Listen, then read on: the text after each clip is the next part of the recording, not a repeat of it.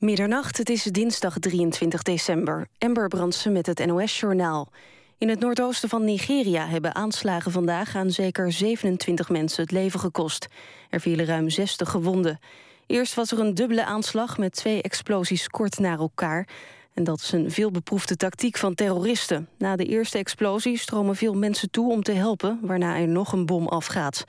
Een paar uur later vielen 150 kilometer verderop nog meer slachtoffers bij een andere aanval. De verantwoordelijkheid voor de aanslagen is niet opgeëist... maar aangenomen wordt dat de islamitische terreurgroep Boko Haram erachter zit. De topinkomens in de publieke sector worden definitief verlaagd. De Eerste Kamer heeft daar vanavond mee ingestemd. Nu mogen topfunctionarissen nog 130 procent van het salaris van een minister verdienen... ruim 230.000 euro per jaar. Volgens het wetsvoorstel gaat dat omlaag naar maximaal hetzelfde als het ministersalaris, 178.000 euro. De politie heeft een nieuwe tip die mogelijk leidt naar de oplossing van de moord op oud-minister Els Borst. De tip kwam bij de politie terecht via Peter R. de Vries, die erover vertelde in Nieuwsuur. De dader is mogelijk een psychiatrische patiënt die in een GGZ-instelling zit. Na vijf dagen Serious Request staat de teller op ruim 4,5 miljoen euro. En dat is meer dan vorig jaar. Toen was er rond deze tijd 4,3 miljoen opgehaald. De elfde editie van de 3FM-actie staat in het teken van meisjes en vrouwen... die slachtoffer zijn van seksueel geweld in conflictgebieden. DJ's Koen Zwijnenberg, Domien Verschuren en Gerard Ekdom... draaien een week lang verzoeknummers tegen betaling. Ook kunnen mensen benefietacties opzetten en worden spullen geveld. De DJ's zitten nog tot kerstavond in het glazen huis. Het weer, het is onstuimig en herfstachtig. Vannacht is het 10 graden. Ook komende dag is het bewolkt met lokaal regen of motregen... en een krachtige zuidwestenwind. Het wordt 10 tot 13 graden. Dit was het NOS Journaal. NPO Radio 1. VPRO. Nooit meer slapen.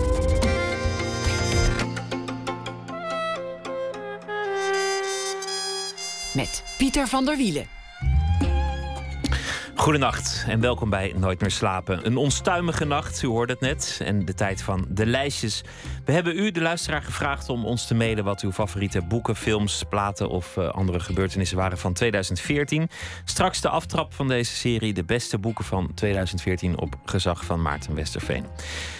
Een kerstverhaal dat de Vlaamse schrijver Ivo Victoria voor ons heeft geschreven, zal hij voordragen na één uur. Maar we beginnen met Herman Koch, wereldwijd Nederlands best verkochte schrijver. Van het diner werden meer dan 1 miljoen boeken verkocht. In vele landen vertaald. En nog steeds uh, volgen de vertalingen elkaar een rap tempo op. Het boek is al twee keer verfilmd. één keer in Nederland en één keer in Italië. En een derde verfilming door Oscar-winnares Kate Blanchett. Die zal nog volgen. Het boek daarna, Zomerhuis met zwembad, werd nog beter ontvangen door de pers en werd wederom een groot succes. Eerder dit jaar verscheen Geachte Heer M. Daarin uh, wordt een kritische lezer um, beschreven die zich in het leven van een schrijver wringt. En het gaat ook over hardvochtige tieners en hun leraar. En dat is een thema dat vaker terugkomt in het werk van Herman Koch. Geboren in 1953 in Arnhem, opgegroeid in Amsterdam. De universiteit was niet zijn plek. Hij reisde liever rond, woonde in Londen, in Barcelona Via de VPRO-radio en het toeval ontstond uiteindelijk het uh, gezelschap Jiskevet, dat met satire televisiegeschiedenis heeft geschreven. Koch was toen eigenlijk al schrijver. Zijn eerste roman, Red ons Maria Montanelli, verscheen al in 1989. Vele boeken volgden. Hij is uh, getrouwd met een Spaanse en hij heeft een zoon. Welkom, Herman Koch. Hallo, goedenavond. Ik kan me helemaal voorstellen, uh, na het lezen van een aantal boeken in vrij, vrij kort tempo achter elkaar, hoe jij zo'n interview zou kunnen beschrijven, zo'n situatie bij de radio. Dat, dat je dat tot, tot in ieder detail bloot zou kunnen leggen. en daardoor heb ik bijna, bijna een soort, soort hindernis om het interview nog daadwerkelijk te doen. Omdat ik mezelf nou. door die bril zou bekijken. Ja, nee, nee, ik zou niet. Uh, ja, ik heb natuurlijk ook wel. Ik heb ook wel meerdere uh, interviews uh, doorstaan, zou ik bijna zeggen. Maar meerdere interviews natuurlijk meegemaakt. Meestal als geïnterviewde. En uh, ik had in mijn laatste boek opeens het idee... ik vind het wel eens ook een hele prettige vorm om in een boek te gebruiken. Om gewoon... En eerst denk je, nou ja, tien pagina's interview... dat is wel veel voor een boek. Maar uiteindelijk zijn het er geloof ik zestig geworden of zo. Dat ik eigenlijk lekker loskwam. Zou ik eigenlijk heel, heel goed vinden om eens een heel boek... of heel prettig vinden om een heel boek te schrijven... wat een interview is. Maar jij bedoelt iets anders. Jij bedoelt dat je het dan gaat doorlichten... waarom iemand bepaalde vragen gaat stellen. Of nou ja, die... eigenlijk wat het leuke is aan een interview, en, en dan, dan zeg ik er als radioman maar meteen bij dat dit natuurlijk vooral geldt voor geschreven interviews, omdat iemand altijd iets anders opschrijft dan je daadwerkelijk gezegd hebt. De Mhm. radio is natuurlijk uh, het, het, bronwater van het genre. Ja. Maar alles wat mis kan gaan in een interview is natuurlijk heerlijk om te beschrijven in zo'n boek. Oh, zeker. Ja, ja. Nee, absoluut, ja. En het is ook nog, het is natuurlijk een enorm verschil. Ik moet ook altijd zeggen dat ik een, dat een radio-interview natuurlijk uh, erg uh, relaxed is ten opzichte van uh, vergeleken met een televisie-interview. Bij een televisie-interview krijg ik ook altijd, als ik daar dan wel eens op ben, want ik probeer dat niet te vaak te doen, krijg ik ook altijd commentaar van mensen die zeiden: Oh, je, het was zo duidelijk te zien dat je je bij die en die, toen die ander wat zei, ontzettend zat te vervelen of te ergeren. En het goede is dat als je dat, dat je bij radio je bij wijze van spreken niet, niet hoeft te scheren. Ja, en dat niemand ook zegt van wat had je een lelijke trui aan. En dat niemand ja. ooit. Uh, ja. mensen nog wel eens horen wat je zeggen. Wat bij de televisie volgens mij uitgesloten ja, is. Precies. Nee, daarom heb ik ook een, een, een, vrij lelijke trui aangetrokken voor vandaag. Dat, dat, dat kan hier gewoon. Kan gewoon, ja. ja. Twee dingen vind ik, vind ik grappig aan het uh, reusachtige succes dat, dat ineens op jouw pad is gekomen. Namelijk het eerste dat iemand die volgens mij een hekel heeft aan poeha, gedoe en ingewikkeld doenerij, juist heel veel daarvan op zijn bord heeft gekregen. Ja. Dat heeft een soort ironie. Het andere is, en dat komt alles op zijn plek, dat je de vrijheid, wat volgens mij altijd je grote streven is geweest in het leven, dat je die nu echt verworven hebt. Ja. Ja, het is, kijk, die, die, die poeha, daar kun je, daar, daar, maak je voor een groot deel, uh, uh, maak je zelf toch wel uit in hoeverre je daar uh, deel van uit moet maken. Dus je kunt natuurlijk, ik kan me voorstellen dat er mensen in mijn omstandigheden zich een beetje gaan misdragen, zeg maar. Dus gaan denken van, ik ben echt belangrijk geworden. En, en dan bijvoorbeeld verwend gedrag gaan vertonen. En dat zie je ook dat zie je gewoon gebeuren. Veel bij acteurs en filmregisseurs, maar toch ook wel bij een enkele schrijver. Waarbij je denkt van nou, nou, het mag wel even, even iets minder. Dat mensen zichzelf niet meer kunnen relativeren. Ja, ook dat. En, het, en, het, en toch opeens een soort, een soort mening krijgen of ook iets te berde willen brengen over de literatuur met een hoofdletter. Waarbij je denkt, ja jongens. Jij bent nu toevallig even in het uh, voetlicht, maar morgen is dat waarschijnlijk alweer afgelopen. Veel, veel, mensen, ik merk dat ook wel aan, aan sommige schrijvende collega's, dat ze, dat, ze, dat ze denken: het gaat nu even goed, dus de onsterfelijkheid uh, begint ook al uh, dichterbij te komen. Of juist dat je, dat je dat imago harder omhoog moet houden, omdat die onsterfelijkheid steeds verder van je af komt te staan. Met andere woorden, je, je carrière zakt in en je ego groeit ter compensatie. Oh, dat kan ook. Ja, of dat je bijvoorbeeld door ja, bepaalde uh, uh, misdragingen of denken bepaalde excessen, denk, dan heb ik in ieder geval. Het, het wordt vaak een misverstand. Ik, zie, ik, zie dat, ik wil niet zeggen dat het een typisch Nederlands probleem is, maar soms zie ik dat, dat het een bepaald uh, aanstellerig of verwend gedrag hier eerder voorkomt. Ook je dronken ergens laten wegdragen. Dat dat eerder, is mijn indruk, voorkomt in Nederland dan in andere landen. Hoewel natuurlijk notoire, allerlei beruchte gevallen zijn... van, van, van Hemingway tot Bukowski. Van.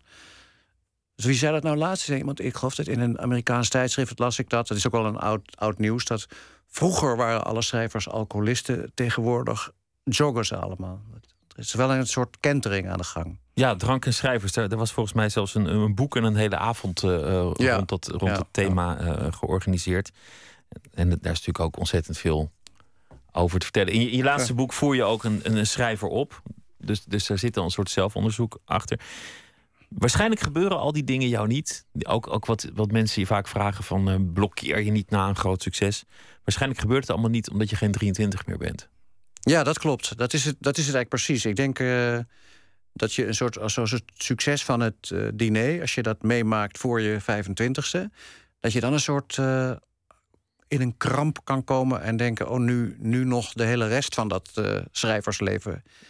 Moet ik hier overheen zien te komen of er voorbij zien te komen? Of, of begint de angst te, te lonken van dat mensen al, al, altijd zal blijven zeggen: dat ene boek, en dat was zo goed, maar dat, heeft hij, dat niveau heeft hij daarna nooit meer gehaald. En daar ben je op. Uh, mijn leeftijd natuurlijk veel uh, relativerender over. En denk je, nou ja, goed, dan haal ik het maar niet. En dat je zelfs ook wel eens bij, bijna gaat, gaat uitkijken naar een, uh, naar een mislukking. Dat je denkt, dat kan ik me ook best permitteren. Dus dat je wat dat betreft het experiment steeds een stapje verder uh, opschuift. Denk van, ik, ik ga eens kijken of ik helemaal kan verdwalen. Het, lukt me dan uiteindelijk niet, want uiteindelijk worden het toch boeken die, uh, die ik weet niet eens of ik ze nou zo makkelijk kan zeggen of ik ze zelf graag wil lezen, maar die, die toch wel gelezen willen worden. Dus een ontoegankelijk. Ik, maar ik zeg wel eens voor de grap, bijvoorbeeld na Zomerhuis met Zwembad heb ik ook bij mijn uitgeverij zo vaak verkondigd van nu ben ik bezig aan dat grote ontoegankelijke boek. Waardoor de hele zoals je met Radiohead had, die gingen toen het album Kid E maken, waardoor alle fans weer afhaakten. Zoiets, die neiging heb je op een gegeven moment wel om iets, om weer, om iets, te, om iets te gaan schrijven. Waarbij uh, dan de, de lezers die het diner zo fantastisch vonden, echt zeggen van nou waar hij nou mee bezig is. Dit is Ik volg het niet meer. Dit is in ieder geval een ingewikkelder boek in opzet, ambitieuzer, ja. uh, meerdere verhaallijnen, meerdere personages die gevolgd worden. Er is niet mm -hmm. echt één hoofdpersoon. Ja. Uh, er wordt ook met de verteller verschoven, dat soort dingen. Maar een onleesbaar boek, dat zou ik het toch nog niet willen noemen. Nee, maar dat doe ik ook. Nee, dat, is, dat is ook niet, niet gelukt. Dada. Dat is niet nee. gelukt. Maar het, ik, ik heb wel de stap genomen om te denken nou, je moet wel weer, je moet wel bij dit boek wat meer opletten. Want ik ook trouwens, als uh, schrijver van het boek ook. Je moet wel wat meer opletten, want door die perspectieven en die verschillende tijden door elkaar, die door elkaar lopen, moet je de hele tijd denken: waar zijn we nu en hoe lang was dat dan geleden en klopt dat dan nog wel? En, um, en ook de verschillende uh, stemmen moet je in de gaten houden. Je kan als je, er zit een perspectief in van een, van een meisje van 17, dan toen heeft ook met name mijn uh, redacteur, Lolies van Grunsven, die heeft ook die heeft daar dingen weggestreept. Waarvan je denkt, ja, maar dat, dat is Herman Koch die deze zin heeft geschreven, maar niet dat meisje van 17. Maar over het algemeen heb ik gedacht dat ik dat het me uh, heb ik het idee dat het me vrij goed gelukt is. Als je 23 was geweest, dan um, had je bijvoorbeeld op een zeker ogenblik een, een echtgenote gehad die je alleen maar als succesvol man heeft gekend. Dat lijkt me een enorm verschil. je, je, Mhm. bent nu met een vrouw die in de tijd gewoon met jou is getrouwd om andere motieven dan, dan geld, succes en Ja, glamour. ja, Dat, dat, is- dat is meegenomen. Ja, absoluut. Ja, dat is waar, wel waar, ja. Het dronken weggedragen worden, dat heb je al anoniem kunnen doen. Dus dat hoeft ook niet meer zo Nee. nodig als je dan Mhm. ineens het succes hebt. Laat staan dat je aan de drugs moet omdat je jezelf niet kunt relativeren. Ook, ja. Allemaal overgeslagen. Allemaal overgeslagen. De kracht van het relativeren die beheerst je al tot in de fijne eh finesses. Mhm. Althans, dat concludeer ik uit het, het relativisme dat in al je boeken doorcijpelt. Ja. Heb je er eigenlijk wel van genoten, van alles wat je hebt meegemaakt? Los van het geld. Wat je bedoelt dan van, de, van deze laatste jaren? Van die wat, eh, ja, van- deze... van de, de vette jaren, de, van de, van de, de Ja, erkenning, nee. het applaus. Ja, ja ik, kan er wel, ik kan er wel van genieten. Maar het is toch. Het is meer dat ik waar ik van geniet, is het gevoel van.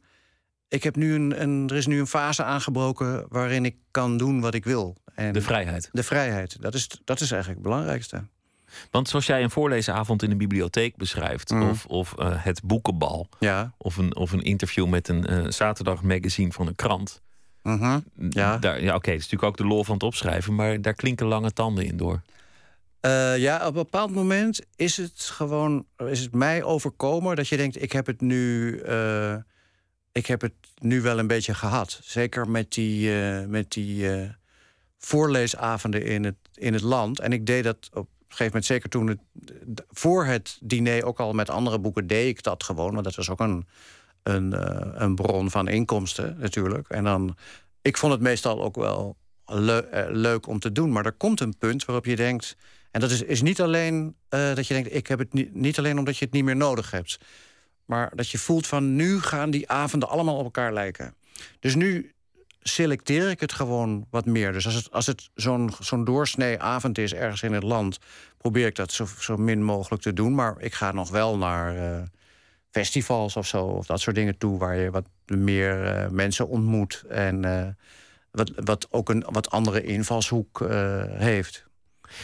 En dan is je boek natuurlijk ook vertaald. Dus je, je kan ook naar, naar Bulgarije of naar. naar uh, ik geloof ook dat het naar het Afghaans uh, vertaald is. Nee, het Ethiopisch. Ethiopisch. Ja, dat oh. is, als, ik denk dat je die bedoelt namelijk. Want jij oh, zegt Afghaans, maar ik, ik, ga, niet, ik spring meteen een paar landen verder. Ja, maar goed, in ieder geval naar landen waar je niet uh, meteen aan zou denken. Nee. Laat ja. ik het zo zeggen. Een enorm succes in Amerika, Frankrijk. Mm -hmm. Duitsland is het heel groot succes geweest. Ja. Volgens mij is het ook naar het Spaans vertaald. Ja, Spaans. En de, en de geachte heer M komt ook. Daar, eigenlijk zijn die zeg maar wat grotere landen... die nemen ook weer geachte heer M... en hebben ook al lang uh, Zomerhuis uh, vertaald en gepubliceerd. Ik ben benieuwd wat je dan allemaal meemaakt... als je in al die landen naar literaire gelegenheden gaat. gaat en, wat voor verschillen dat uh, met zich meebrengt. Gewoon de antropologie erachter. Ja, het, het, het is inderdaad... Dat is wel echt uh, nieuw. En dat blijft ook nieuw. Dat je, daar heb ik ook wel naar uitgekeken. Dus zo, zo vaak en zoveel mogelijk als ik werd uitgenodigd eh, door een uitgeverij. Die zei van kom nou even twee dagen naar uh, Oslo. Want dat heeft echt, dat heeft echt zin. En voor, een, voor een paar interviews of een of andere optreden daar. Heb ik dat eigenlijk altijd wel steeds gedaan. En dat, dat, waarom is dat Waarom is dat zo leuk? Omdat ik daar uh, een volstrekt onbekende debutant weer was, maar ook volstrekt onbekend als persoon. Kijk, in Nederland heb je zo langzamerhand mensen door radio, tv, door wat boeken. Ook al uh, liepen die boeken voor het diner minder goed. Niet eens zo heel slecht. Het waren niet echt van die ramsboeken en zo. Het ging allemaal best. Maar uh, dat je denkt, ze, ze, weten je ook op een gegeven moment wel te plaatsen. Als je dan 50 wordt. Dan denken ze, oh ja, dat is die Koch, ja, die doet dat ongeveer. Ja, oké. Maar daar, ik, je komt dan in, in Noorwegen, maar ook in Engeland, in Amerika, in, in Duitsland, hebben ze geen idee. Dus ik moest weer vanaf nul eigenlijk laten zien van dit is wat. Of misschien ben ik zelf. Eh, wat ik vaak merkte was de indruk is als mensen het diner dan al wel gelezen hadden, dat ze dachten we krijgen nu waarschijnlijk als die schrijver komt zo'n hele zwart kijkende, wat grimmige uh, Michael Haneke-achtige man uh, hier op bezoek.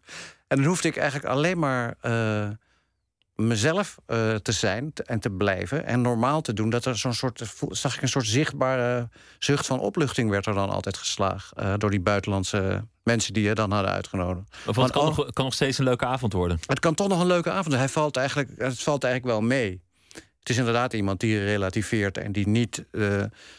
Want in veel buitenlanden wordt bijvoorbeeld diner, maar ook zomaar eens met zwembad, als een veel grimmiger boek gezien, boeken gezien dan hier. Veel meer van nou, een soort maatschappelijke aanklacht. En uh, het zijn toch allemaal mensen die verknipt zijn en die misschien wel gestoord zijn. En ze moeten allemaal, zijn eigenlijk allemaal niet te pruimen.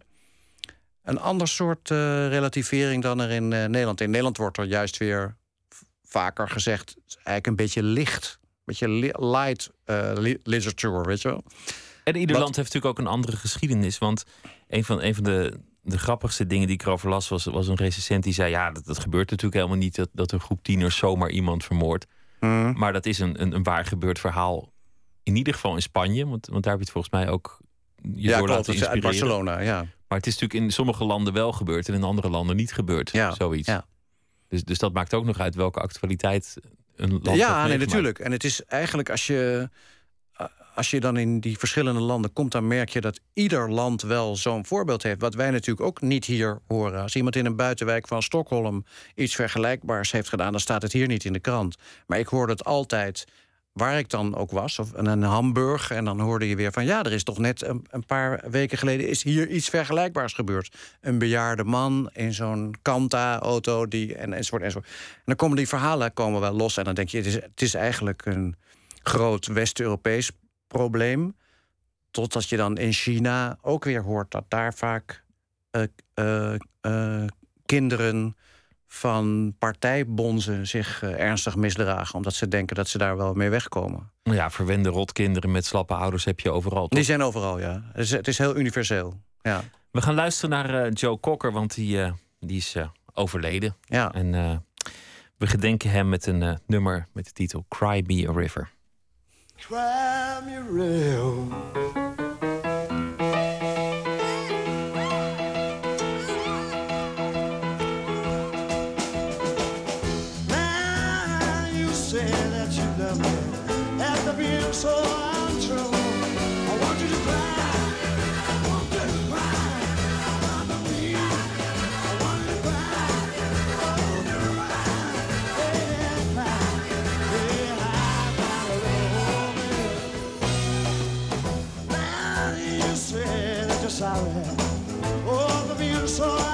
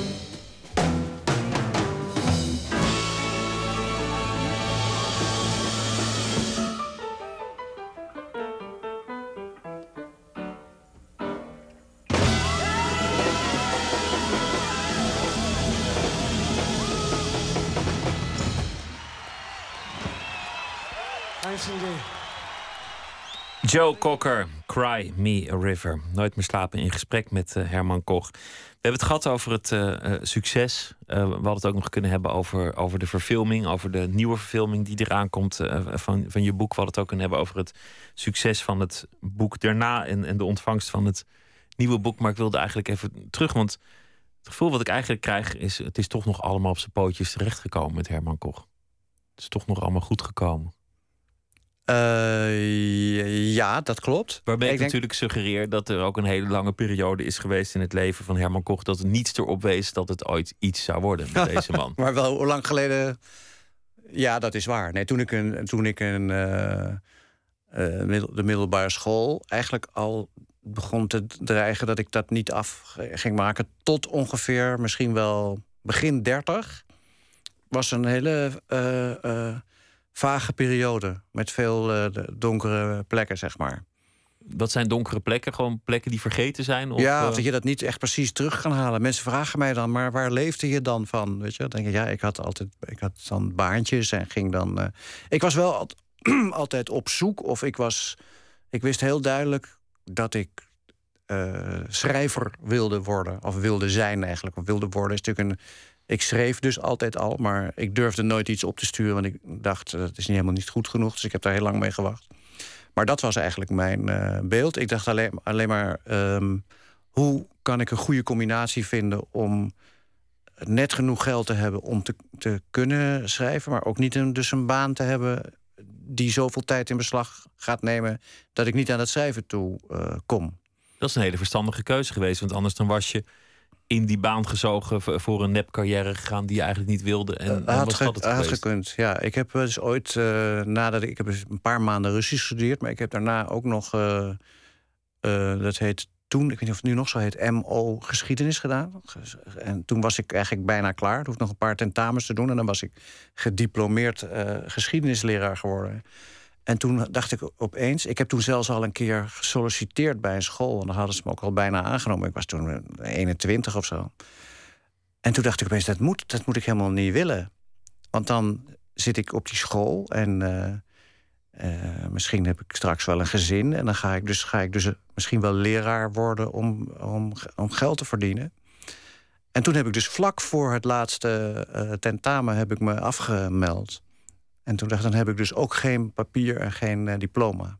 Zoals jij leraren beschrijft in uh, geachte heer M, maar je mm. beschrijft ook het onderwijs in, in het diner bijvoorbeeld dat beschrijf je op, op een manier, nou, dat, dat, dat, is, dat, dat is gruwelijk. Dan denk je dat dat leven wil je gewoon niet leiden. Je wil gewoon geen leraar zijn. Dit, dit is mm. iets wat je, wat je tegen elke prijs moet zien te vermijden. Ja. Dat is dus eigenlijk ook een, een angst voor wie jij had kunnen zijn. Ja, ik denk omdat ik, ik dacht, uh, ik zit er zelf dichtbij. Ik kan dat zomaar worden. Zo had het ook kunnen gaan. Zo had het ook kunnen gaan. En misschien was ik dan wel een, uh, was ik een, een in mijn geval, ik wil niet zeggen dus dat alle leraren gefrustreerd, maar ik was zeker een, misschien wel een gefrustreerde leraar geworden. Omdat met wat je, dat weet ik dan weer wel, met de tijd die je op een middelbare school uh, nodig hebt, ja, dan kun je toch alleen nog in de zomervakantie aan, zou je nog aan een boek kunnen werken. Die leerlingen die, die hardvochtig zijn en, en mm. meedogenloos, dat, dat hoort volgens mij ook voor een deel bij jong zijn. Was jij dat ook, zo'n zo'n leerling? Uh, nee, ik zou niet zeggen hardvochtig en meedogenloos. Ik was wel uh, uh, licht sarcastisch en ironisch... en probeerde wel altijd een beetje de positie van de leraar onderuit te halen. Dus niet echt... Um, je had ook leraren die geen orde konden houden... maar dat vond ik geen leuke slachtoffers. Had ik vaak zelfs ging ik omgekeerde gedrag vertonen. Niet omdat ik nou zo aardig ben, maar dat waren geen... Maar juist die met een bepaalde zelfverzekerdheid of een soort zelfingenomenheid. Dat zie je toch heel vaak bij deze beroepsgroep. Daar had ik altijd het idee van, daar moeten we iets aan doen. En, uh, dus dat, dat was ik. Ik was een beetje de, de. Ik zat ook bijna nooit vooraan. Ik zat altijd zo'n beetje achteraan. En dan zag ik soms al leraren fronsen als ik mijn vinger opstak om iets te vragen. Dacht, er zal wel weer iets oh komen. daar, daar, is die koch weer. Daar is die koch weer. En dan gaat, gaat de klas gaat lachen. En die vinden dat dan allemaal leuk. En dan moet ik me daaruit zien te redden en zo. Nee, ik was bij een groot aantal leraren niet echt geliefd. De scène die je beschrijft ehm, met... Nou ja, tegenwoordig zit iedereen met zijn mobieltje te filmen... maar met de, de 8 mm camera. Mhm. Dat is wel een streek die jij zelf uithaalde als tiener. Ja, klopt. Ja, dat zijn... Uh voor het grootste deel echt gebeurde dingen. Dan moet ik wel zeggen dat het filmen met de camera uh, van leraren. Dat wordt zo in het boek uh, beschreven. Dus die andere filmpjes die erin beschreven worden in het boek. Van uh, je voor een bloemenstal op de grond laten zakken en doen of je een epileptische aanval kreeg. En dat dan filmen met een verborgen camera. Dat deed ik met een goede vriend van school. Filmden wij elkaar en dat hadden we dan. Maar dat met die, uh, hetzelfde doen bij een leraar in de klas, dat deden we zonder camera. En dan hadden we eigenlijk nog veel grotere lol. Ik heb dat een beetje geprobeerd aan het boek te beschrijven. Want die leraar dachten, waarom doen ze dit? Het wordt niet eens gefilmd, bij wijze van spreken. Dus het was nog, nog leuker om het te doen. Want je bracht die leraar volkomen uit zijn, van zijn apropos. En uh, ja, wij hadden plezier, omdat we dachten... ja, dit, is dit moet iets onverklaarbaars zijn voor... Uh, voor iemand die hier getuige van is. Maar als je iemand met een camera ziet filmen of met een mobieltje, dan denk je: oh ja, ze zijn me aan het opnemen. Nou snap ik het. En dit wordt straks tegen me gebruikt. Het is de lol van iemand die zichzelf uh, heel wat vindt, die, die zichzelf op een bepaalde sokkel heeft geplaatst en die eraf meppen wat je eigenlijk bij Jiskevet ook wel deed met, met, met satire. Zij het dan met fictieve personen natuurlijk. En, en als Mm. schrijver doe je dat ook steeds. Met, met dan liefst een, een beroepsgroep. Als Ja. het gaat over de schrijver of, of de arts of, of de leraar of de politicus. ja. Ja, het zijn vaak of het nou beroepsgroepen. Het is ook wel vaak van die, van die milieus waarvan ik denk, die ken ik wel op de een of andere manier. Ik ken het wel goed. Dus je, natuurlijk ken je een middelbare school. En wat heb je, heb je vaak veel te lang eh, opgezeten. Heb je maar liefst zes of zeven, zeven jaar in mijn geval, denk ik. Of nog langer, want ik ben meerdere keren blijven zitten. Eh, maar ook eh, in dit laatste boek in Geacht Heer M. Dat ik dacht, ja, dat het, het schrijversmilieu en de, de, de uitgeversborrel en het boekenbal en de literaire avond en het, en het interview met een schrijver, waarin het dan vaak nauwelijks over een boek gaat, maar altijd over de, de persoon en of er misschien nog een schandaal is, of er nog ergens een buitenechtelijk kind is, of eh, nog iets chockerends, weet je, wat dan altijd. Ja, is die er trouwens? Welke? Dat buitenechtelijke kind? Ehm, even kijken, zullen we nog even. Waar moet ik. Ja. Nee, dat was te makkelijk. Ja, goed. nee, maar het was, ik was grappig. Ik laatst had ik een, eh, vorige week had ik een interview met eh, een, iemand die een interview maakt voor de Belgische krant eh, De Tijd.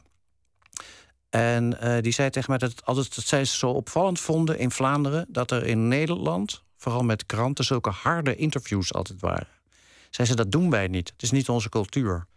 En toen dacht ik, ja, het is wel echt inderdaad ook een, een Nederlandse cultuur. Het harde interview, weet je, waardoor je dat je dus iemand confronteert met het iets. spierballen-interview. Ja, van, van en de, zo van als interviewer journalist. je vooral profileren en laten merken van, nou, ik durf dit gewoon te vragen.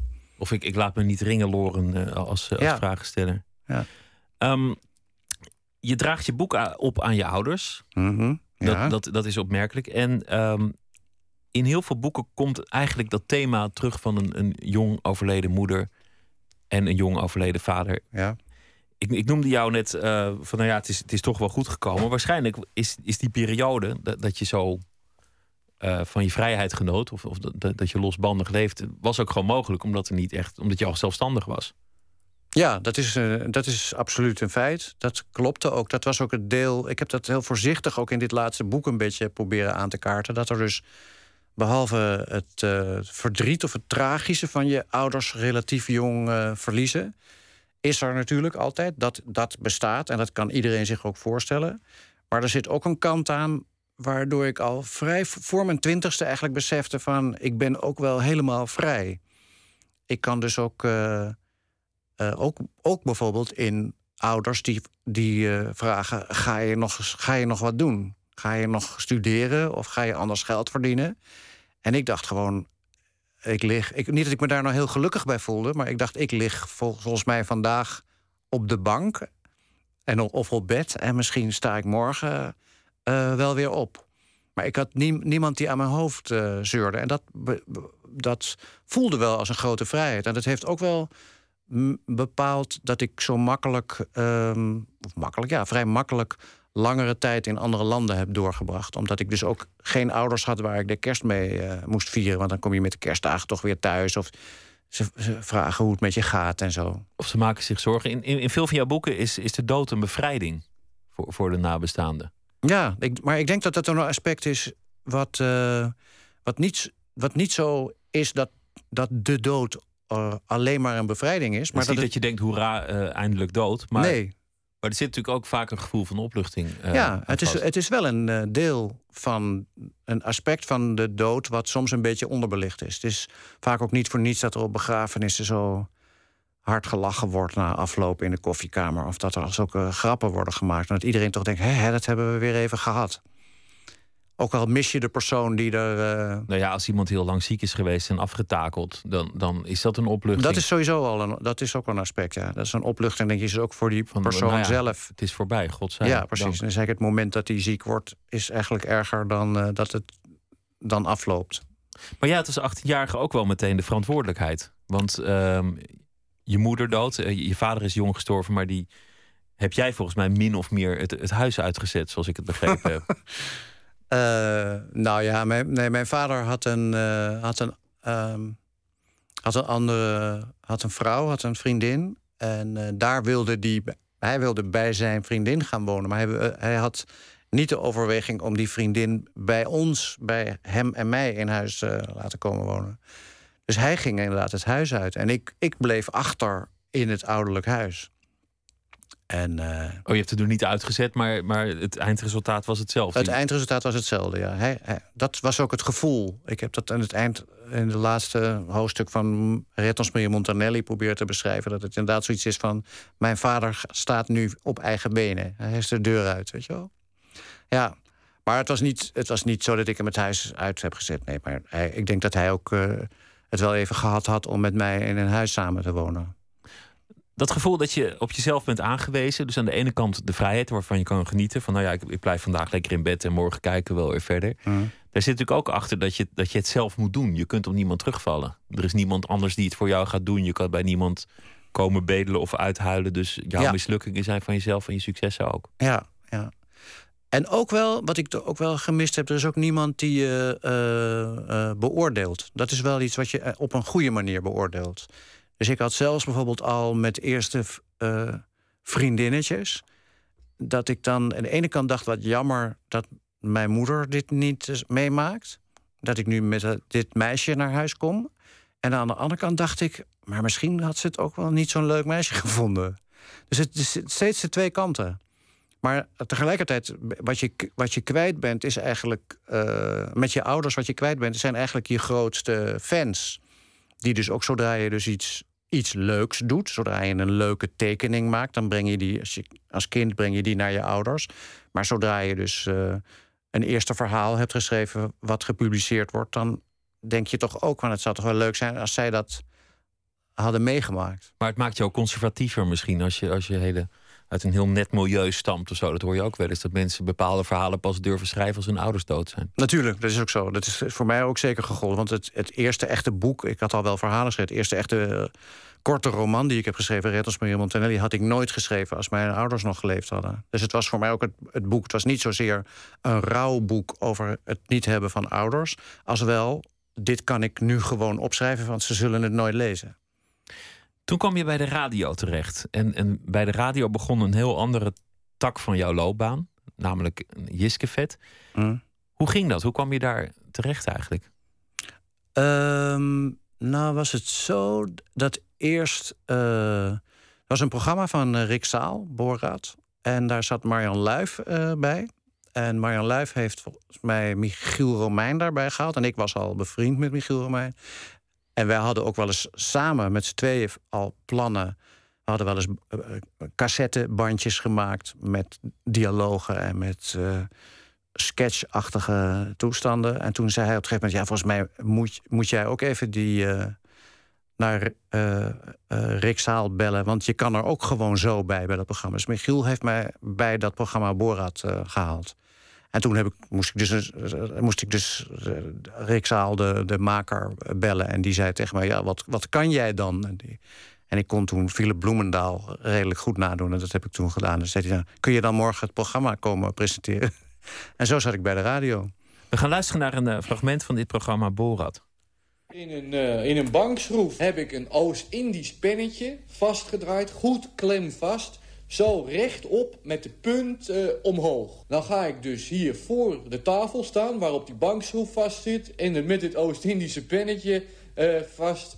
En daar ga ik dan recht voor staan. Ik tel tot drie. En dan maak ik met mijn bovenlichaam een schaarbeweging woep, naar voren.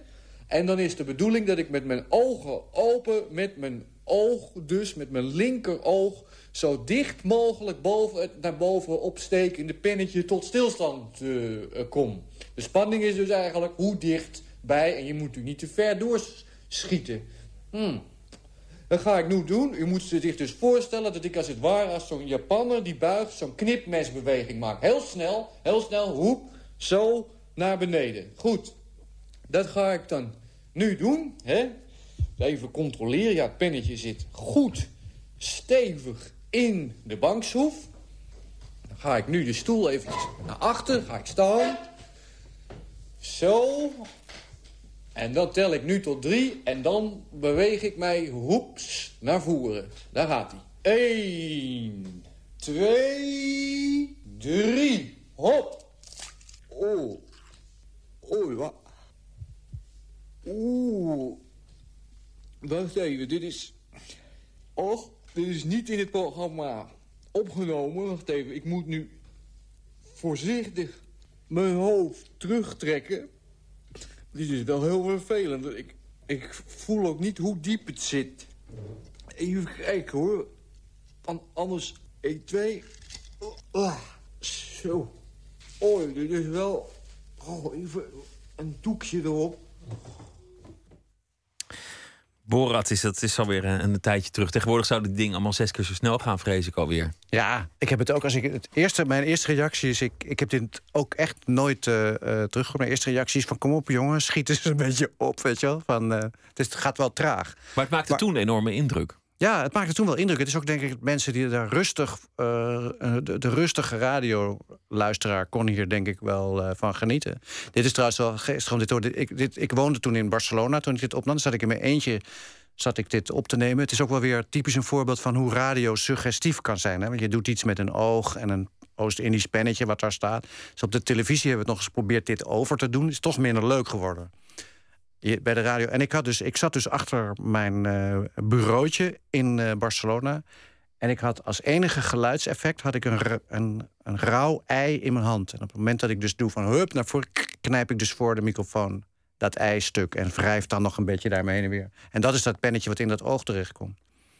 Je zei eerder over, over literatuur. Ik zou wel eens willen proberen om een totaal onbegrijpelijk boek te schrijven. Maar uiteindelijk lukt het me niet. Dat, dat zat natuurlijk ook in Jiskevet. Heel veel sketches waren ontzettend absurd. Mhm.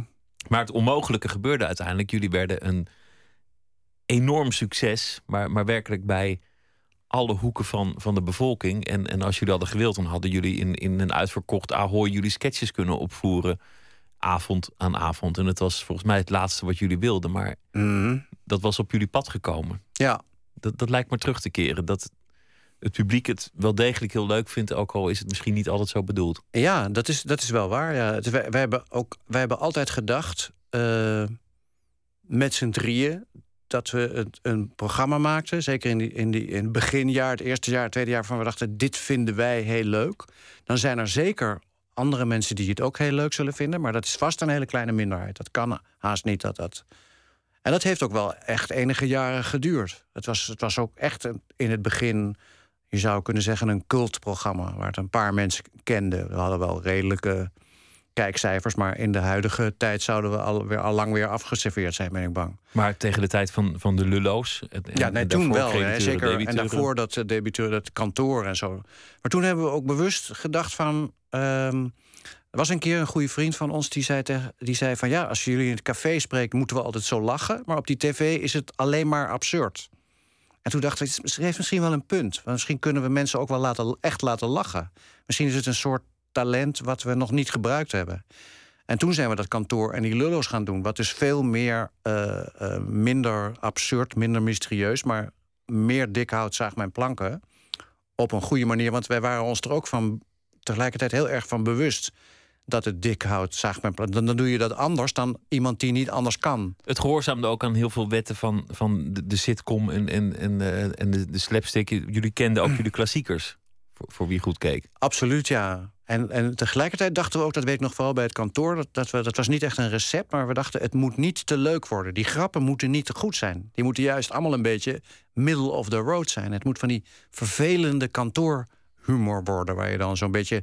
waar kantoormensen onder elkaar gniffelend om zitten te lachen. Want dat is altijd het mooiste compliment wat wij kregen van mensen die zeiden van... nou, dat kantoor, daar hebben jullie wel heel erg raakgestoten. Want ik werk zelf op een kantoor. En die afdeling naast ons, daar is het echt precies zoals bij jullie. Maar bij zo. ons, bij ons zelf niet. Ja. Mensen denken altijd dat het heel veel improvisatie was. Ja. Dat wordt, wordt altijd over jullie geschreven. Maar was dat eigenlijk ook zo? Of, of werd er wel degelijk heel lang aan, ge- aan gesleuteld? Nou, er werd, er werd wel lang. eh, het, was, het was inderdaad allemaal improvisatie. Dus eigenlijk een aflevering van de Lullo's of van, eh, of van welk filmpje dan ook, of van debiteur crediteur, besloeg zelden meer dan een half A4'tje van wat er moest gebeuren. Maar we dachten er wel heel lang over na hoe het moest beginnen en hoe het moest eindigen. En wat er in het midden dan voor twist in zat. En daar waren we soms dagen mee bezig. Dat we zeiden, ja, het klopt nog steeds niet. Er klopt iets niet. Want het is, zo wordt het niet leuk. Of is het niet, is het niet leuk. Maar het moment zelf van daar, eh, daar zitten... aan, de, aan die bureaus zitten, wisten wij echt van tevoren niet wat voor verhalen we aan elkaar gingen vertellen. En we hadden natuurlijk het voordeel dat het semi-live was. Dus we namen het op met het publiek, maar we konden dan erna gaan monteren. Dus de, de, stukken waar het helemaal inzakte, die heeft niemand ooit te zien gekregen. We gaan weer luisteren naar muziek van Janne Schra. En een van de zangeressen die veel uh, van zich doet spreken op dit moment. En het nummer heet Little Bamboo.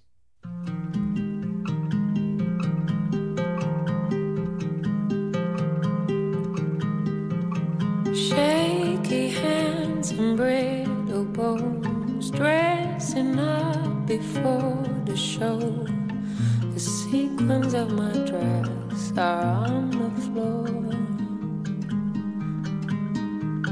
I know that you won't break so soon. Strength is hiding in the root. I'm trying to find that too. If only you knew I am holding on to you.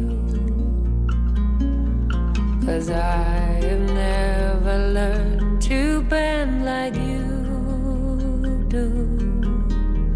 If only you knew how much I look up to you. Always true. Little bamboo.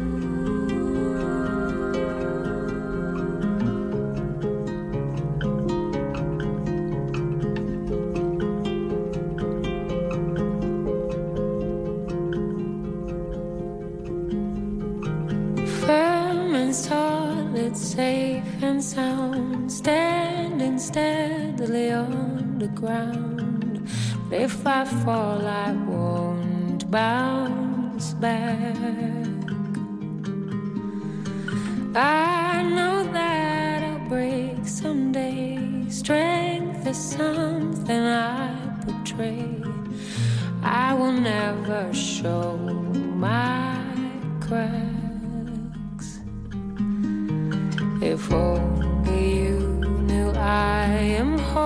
Holding on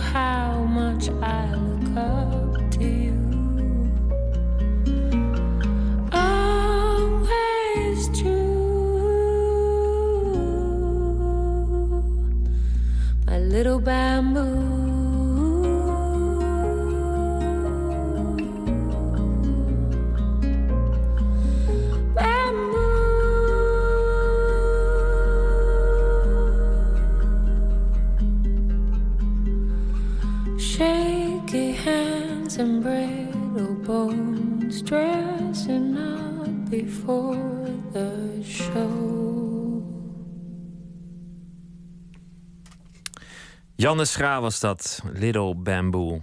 Nooit meer slapen in gesprek met uh, Herman Koch. Iemand vroeg via Twitter uh, of je kinderen hebt. Dat zei ik aan het begin. Ja. Eén zoon. Eén zoon van uh, nu twintig. Het huis Pablo. uit, dus of niet? Nee, hij is nog thuis. Oh ja, die, die blijft ook steeds langer thuis hangen natuurlijk. Die, Ja, ik weet niet, hij, hij zit zo'n beetje net ertussenin. Dat hij het, het leuk zou vinden om binnen afzienbare tijd... misschien na de zomer met, met vrienden samen een, ja, appartement of te gaan wonen, weet je, gedeelde huis. En dat, maar dat hij het ondertussen thuis ook uh, nu nog prima vindt. Het is niet enorme haast. Het is meer een soort dat je denkt, ja, logisch, dat zou ik ook willen.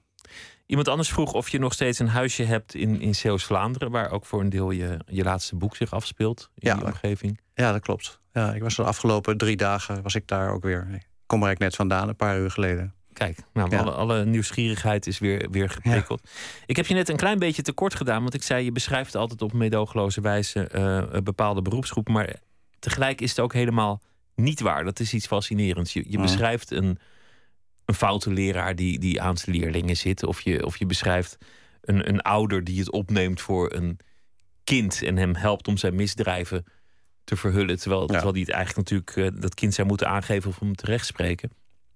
Maar er lijkt ook in jou iets te zijn dat, dat je niet iemand alleen maar wil, wil ja, afschrijven, maar je wil hem tegelijk ook begrijpen. Je wil ook in diegene zijn huid kruipen en je wilt ook juist weer van de andere kant bekijken. Ja, dat is wel erg uh, goed dat je dat zegt. Ja, dat is precies altijd, het altijd mijn invalshoek of mijn uh, ambitie in het schrijven. Ambitie is het verkeerde woord. Gewoon het, doel, zeg maar, wat ik het liefste wil. Dus nooit van buitenaf uh, een karikatuur neerzetten van een haha, een stomme leraar. Of kijk nou eens wat een tweedimensionale suffe politicus. Uh, altijd probeer ik er ook inderdaad in te, te, kijken. Dat, te denken dat sommige mensen lezen het ook echt verkeerd. Die denken, ja, er worden nu er worden personages belachelijk gemaakt of afgezeken. Terwijl ik het idee heb dat ik juist niet zo satirisch bezig ben, maar eerder uh, de, de werkelijkheid zo getrouw mogelijk probeer weer te geven. En tegelijkertijd probeer af te vragen. Vandaar ook dat ik dus wel als als leerling eigenlijk tegen leraren tekeer ga. Want dat zijn volgens mij ook de. Zo, zo hoort het ook. Als je 16 of 17 bent, dan wil je niet de hele tijd gecontroleerd worden of je je huiswerk voor aardrijkskunde wel gemaakt hebt. En aan de andere kant wil ik ook. Ik ben zelf ook bijvoorbeeld altijd iemand geweest die op scholen nooit heeft zitten klagen bij leraren over wat er uh, met mijn uh, zoon gebeurde. Omdat ik juist de sympathie had voor die voelde voor die leer dat ik ook over hun nadacht. Ik dacht, wat, wat moet het voor hun vervelend zijn om van die hele goed gebekte, assertieve, zeikende ouders aan hun bureau te krijgen hier tijdens maar, maar kun jij in het, in het hoofd van, van iedere klootzak uh, duiken? Zou jij de, de nou, meest van... abjecte opvatting kunnen verdedigen of, of het meest gruwelijke persoon uiteindelijk kunnen begrijpen? Ik denk het wel, ja. Ik denk dat het ook uh, uh, begrijpen ook iets anders is dan sympathiseren. Het is je, je wilt iets toch begrijpen. Je wilt. Maar als je het echt goed wil beschrijven, dan, dan moet je daar heel dicht tegen aankomen. Want je, je moet het dan overtuigend maken. Ja, je moet, je moet op een bepaald moment, je moet op een bepaalde manier. Uh, zo duidelijk denken van wat is de volgende stap van deze persoon en hoe zou ik die maken? En dan daar de conclusie daaraan van denken van misschien is het ook zo wel gegaan. Misschien zit die ziet deze betreffende persoon ook wel zo in elkaar. Dat is eigenlijk het aardigste om erachter uh, achter te komen. Dus als ik, als, ik, als ik dus een leraar uh, beschrijf, die, een, meisje die beschrijft hoe ze wordt lastiggevallen door een leraar, dan wil ik ook een tijdje die lastigvallende leraar zijn. En dan zoek je altijd iets waar het pijn doet. Dus, dus je zoekt, uh, nou ja, in, in, Barcelona is een groot schandaal geweest. Jongens die een zwerver uh, vermoorden en in, in de fik steken. Wat in mhm. het diner terugkomt. Een, een arts die ervoor kiest om uit persoonlijke motieven een van zijn patiënten door uh, opzettelijk medisch falen om het leven te brengen. Ja. Een, een leraar die zijn leerlingen stalkt, gewoon puur omdat hij zin heeft in seks. Dat zijn allemaal dingen die maatschappelijk, maatschappelijk onbespreekbaar, onaanvaardbaar. Je voelt de mhm. verantwoording van de, de, de, hoe heet het, de verontwaardiging van de pagina's stromen. Ja, ja. En dat vind jij juist de leuke onderwerpen om, om in te gaan duiken. Ja, le ik, leuke onderwerpen um, is het niet. Maar ik vind een bepaalde manier van. Ik zoek ook niet naar, naar heel zwartgallig of naar zwarte dingen. Of ook zelfs niet naar nare dingen. Ik heb, ik, ik heb bijvoorbeeld echte nare dingen beschrijf ik ook niet. Daar hou ik ook helemaal niet van. Of, uh, maar het is wel zo dat, je. Uh, dat, dat ik bij al dit soort aspecten denk. Ik begrijp het wel dat een leraar die voor de klas zit dat hij naar de meisjes in zijn klas kijkt. En ik begrijp ook heel goed dat de meisjes in die klas zitten dat soms heel vervelend vinden. En helemaal geen zin hebben in zo'n leuke, vlotte leraar die op een schoolfeestje met ze wil dansen en ze dan net iets te intiem uh, vastpakt. En dat ook heel vervelend en heel klef vindt.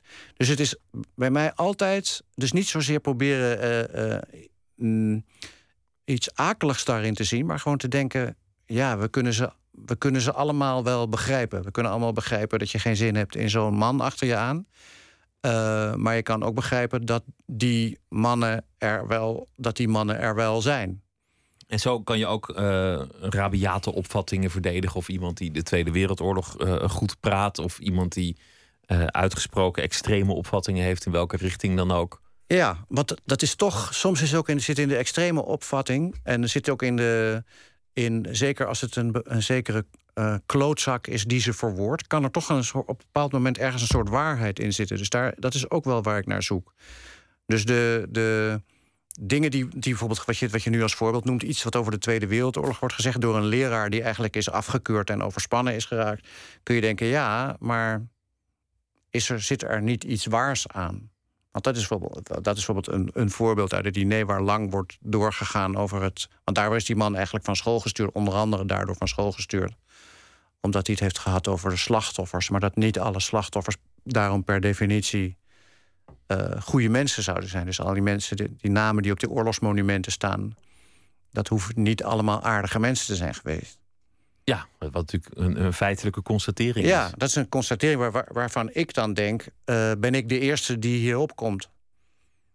Snap je? Ben ik misschien wel de, de eerste die deze gedachte heeft? En dan denk ik, dan moet ik hem op een bepaalde manier zien te verwoorden... waardoor die ook nog acceptabel wordt gemaakt. Dus laat ik hem verwoorden door een licht overspannen leraar. Terwijl ik misschien... maakt het natuurlijk helemaal niet uit of iemand aardig is of niet. Nee. Je hoort gewoon niet iemand... Uh, op transport te stellen naar een gaskamer. Of die nou aardig is of niet. oké, dat, is ook alweer een, een, stap verder. Ja, nee, oké, dat, dat, is, dat is ook zo.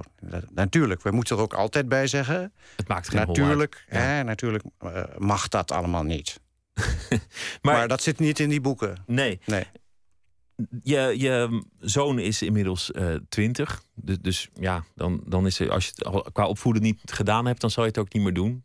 Uh was dat bij jou een angst, de, de, de slappe ouder te zijn? Want als je elke opvatting wel kunt begrijpen en eigenlijk ieder standpunt wel een beetje uh, van argumenten kunt voorzien, en je moet toch in iemands leven koers geven, de, lijnen uitzetten en het gezag uit de stralen. Ja, nee, ik denk niet zozeer dat het gezag is. Ik denk dat het uh, meer te maken heeft met een, een bepaalde uh, zekerheid geven. Dus dat je, dat je zelf een, een zekere vorm, een soort iets stabiels, behalve warmte en liefde en al die dingen. Dat je iets stabiels eh, eh, uitstraalt en niet een voortdurende de, twijfelaar. Dus wij zijn ook nooit zo'n gezin geweest waarbij dan je het eerst aan mama vraagt. En, maar misschien vindt papa het wel goed. Weet je wel? Het is zo'n soort. En dat spraken we niet eens met elkaar af. Het is, maar het is wel zo dat ik altijd bij alles uh, heb gedacht. En niet, niet zozeer bij een, een, jongen van vijf of zes, maar wel als die eenmaal zo 13, 14 wordt. En zeker 17 dat ik altijd denk, waar ligt nou mijn, waar ligt eigenlijk mijn sympathie? Die ligt dan eigenlijk toch meer bij die 17-jarige dan bij die ouder of die leraar die hem corrigeert. Wat dat betreft zal ik wel nooit helemaal volwassen worden, wil ik niet zeggen, maar dat is, dat, dat is gewoon niet tegen te houden. Ik kan mij herinneren dat, dat Joren van der Sloot uh, op tv was met zijn ouders en, en een glas wijn naar Peter R. de Vries gooide. En, en ik was gefascineerd door die ouders die hem niet corrigeerden. Ja, ja. Die wel op, op dat moment zelfs niet. Ja excuus aanboden aan iedereen om hem heen, maar niet die jongen rechtstreeks toe ja, durfde te spreken. Waar, ja. ja. En dat, dat is eigenlijk wat in het diner ook terugkomt, zo'n zo veel te slappe vader. Heb je, heb ooit die angst gehad dat je dat zou worden? Ja, nee, angst niet. Ik heb wel, natuurlijk heb ik daar wel bij, altijd wel bij stilgestaan. Ik dacht, ik moet er wel voor oppassen. Dat ik niet een soort. Um, ik wilde ook niet een soort gezellige, alleen maar een gezellige leeftijdgenoot en vriendje worden. Want dat, ik, ik had liever dat toch met zo'n echte vrienden had van zijn eigen leeftijd. En zijn vader is dan zijn, zijn vader. En zijn moeder is zijn moeder. Dat dat, dat, dat heel duidelijk was. Je bent uh, bezig met een nieuw boek. Daar, daar uh, gaan we het pas over hebben als je hem af hebt. Ja, lijkt me wel. Lijkt me beter, ja.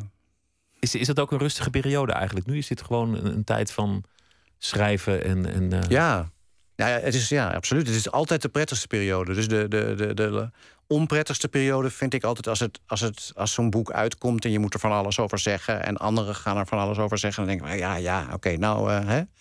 Dus het moment dat je. Ik probeer het ook op de een of andere manier omdat het nu ook makkelijker kan, het steeds langer uit te stellen. Dus te denken van die, die tijd dat je schrijft, dat je vooral niet proberen van over een jaar alweer een boek. Terwijl dat jaar hebben gedaan, elke, elke twee jaar in ieder geval een boek. Ja, gemiddeld wel. Je komt altijd. Maar ja, veel schrijvers zitten wel op gemiddeld twee à drie jaar. Nu zat ik met het laatste boek op drie jaar. Ik denk dat dit komende ook zeker weer drie jaar of misschien wel meer, meer uh, gaat worden. Maar dat, ik vind dat inderdaad, de, op dit moment is dat de prettigste periode. Ook een beetje terugkeren in een soort anonimiteit. Anonimiteit en niet de hele tijd uh, in het nieuws zijn. Of ja, in het nieuws, dat is ook maar heel relatief. Het is vaak maar een week of een paar weken dat je dan op tv bent of dat je overal besproken wordt, tot, tot mensen er ook doodziek van worden. Ik probeer ook daarom zo. Ik zit nu wel hier, maar dit is een heel rustig, rustig, fijn, relaxed eh, radioprogramma waar wij met z'n tweeën zitten te praten. Maar ik probeer ook zoveel mogelijk te vermijden om in niet uh, zomaar in allerlei programma's te verschijnen. Nou, ik vond het fijn dat je wilde langskomen, dat we je even van je werk uh, mochten houden. Oké. Okay. Dankjewel, Herman Koch. Twitter, het VPRO NMS of via de mail nooit beslapen.vpro.nl. En zometeen gaan we verder met Op onder meer 1, een kerstverhaal. Het nieuws van alle kanten.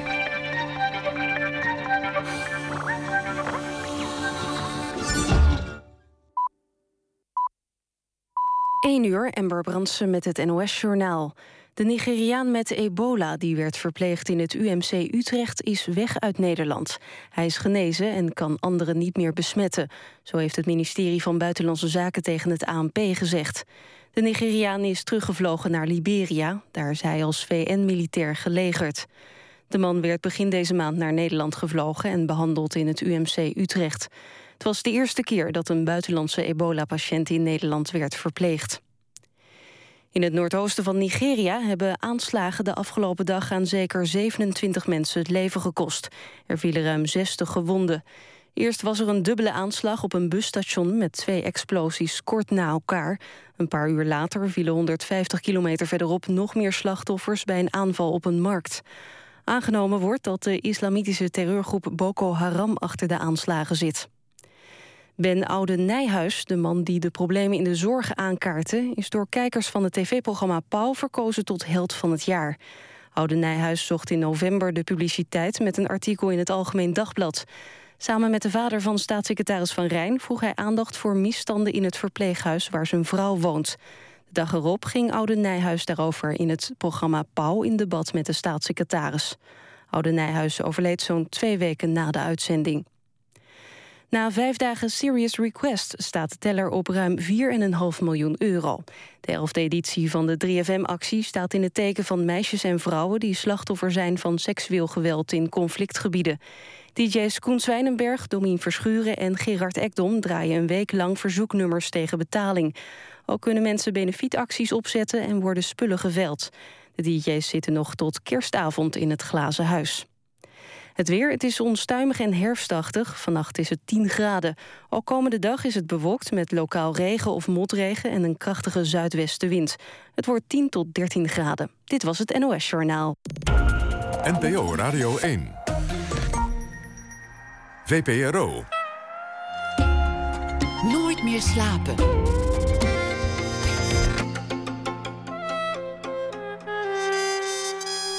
Met Pieter van der Wielen. U luistert naar Nooit meer slapen. We eh, gaan er een traditie van maken, althans is het plan. We hebben tien schrijvers uit Nederland en Vlaanderen gevraagd om een kerstverhaal te schrijven. Iets dat uh, zich afspeelt tijdens de kerst of in de donkere dagen daarvoor. Ik uh, introduceer de schrijver Ivo Victoria. Emigreerde in 2002 vanuit Antwerpen naar Amsterdam, waar hij nog steeds woont en werkt. In 2009 debuteerde hij met de roman Hoe ik nimmer de Ronde van Frankrijk voor min 12 jaren gewon en dat het me spijt. Twee jaar later nog een boek, Gelukkig zijn we machteloos. En dit jaar zijn derde boek, Dieven van Vuur. Het kerstverhaal van Ivo Victoria.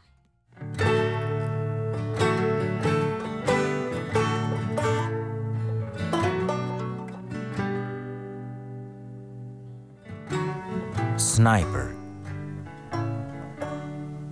De geur van sudderend vlees en aardappelkroketten, die al enige tijd vanuit de keuken de woonkamer indreef, werd plots vergezeld van een ijzige onderstroom. Zelfs de mannen aan tafel rilden, kortstondig, waarbij ze snel de ene schouder na de andere optrokken en weer lieten zakken, en drukten hun ruggen stevig in de gevoerde leuning van hun stoelen. De moeder kwam de kamer binnen alsof ze de kilte op de hielen zat. Ze knikte naar de vader en de oom en maakte daarbij het bekende gebaar met de wijs- en middelvinger, die ze voor haar getuite lippen hield. Hij is buiten, roken. En? Hoe gaat het er verder mee? vroeg de oom meteen. Goed, zei de vader. Doet hij nog iets? Gaat hij naar school? Heeft hij plannen? Hij wil graag een geweer, zei de moeder. Terwijl ze haar stoel aanschoof en knipoogend de rest van het gezelschap afging, dat genoot van de pompoensoep. Een geweer? Al zijn vrienden hebben een geweer, zei de vader. Een sniper, zei de moeder. Sip, een sniper? Nee, het geweer, zei de moeder. Daarna luider. Iemand nog soep? Is dat wel goed voor hem? vroeg de oom. Och, zei de moeder. Echt niet? Niemand? We zouden al lang blij zijn als hij weer eens wat vaker buiten komt, zei de vader. De moeder knikte. Hij is 18, je kan hem niet tegenhouden. En het is belangrijk dat hij niet geïsoleerd raakt. Zeker, zeker, zei de oom. Hij zat met zijn rug naar de kerstboom. Voor de vader en de moeder in kleurrijk tegenlicht gehuld, dat zijn uitdunnende haren en zijn gelaat een bepaalde gloed meegaf, die samen met hun verweerde hoop weerspiegelde in de ogen. De rest van het gezelschap scheen niets op te merken. Tja, zei de oom. Ik veronderstel dat dit de prijs is die we betalen voor die godverdomse vrede die nu al meer dan een halve eeuw de westerse wereld teistert. Hij keek met een vermoeide grijns de kamer rond. De vader knikte ernstig. De moeder keek achterom, in de richting van de keuken, of zocht oogcontact met de andere gasten, terwijl ze gebaren maakte die afwisselend alles goed of het hoofdgerecht komt eraan betekende. Die vrienden van hem, waar schieten die op? vroeg de oom. Oh, op elkaar, zei de moeder. Elkaar? Ja, het is misschien een beetje raar. Ja, zei de vader. Na dat geval met dingen, zo heet hij, Stijn? Daarna hebben ze allemaal brillen en helmen gekocht. Ah ja, zei de oom. Maar Seb wil geen bril of helm, zei de moeder. Nee, Seb niet, zei de vader. Hoe zei hij het ook alweer, schat? Wat voor zin heeft het om raak te schieten als... als de ander niks heeft, vulde de moeder aan. Of zoiets. Als je niet gekwetst kunt raken, is het ook niet spannend, zoiets. Hij zei het mooier. Ja, onze Seb zegt niet veel, maar soms komen er dingen uit, hè schat? Ja, dus nu krijgt hij van ons zo'n geweer. Voor kerst. Voor kerst, zei de oom. Het feest van de vrede. Haha, zei de vader, touché. De moeder stond op, giechelend, en zei... Och, wij zijn toch niet gelovig. Allee, mensen, jullie gaan mij toch niet met al die soep laten zitten? En met een stralende glimlach nam ze enkele lege soepkommen in ontvangst... en liep de warmte van de keuken tegemoet... terwijl ze de kilte achter zich aansleepte. Achter het huis ligt de tuin. Een vrij lange, smalle strook gras. Langs één zijde afgezoomd met diverse soorten bloemen en kruiden. Wanneer Seb de schuifdeur van de keuken opent en een stap naar buiten zet, gaat er licht aan. Helwit, halogeen. Seb loopt door tot helemaal achterin.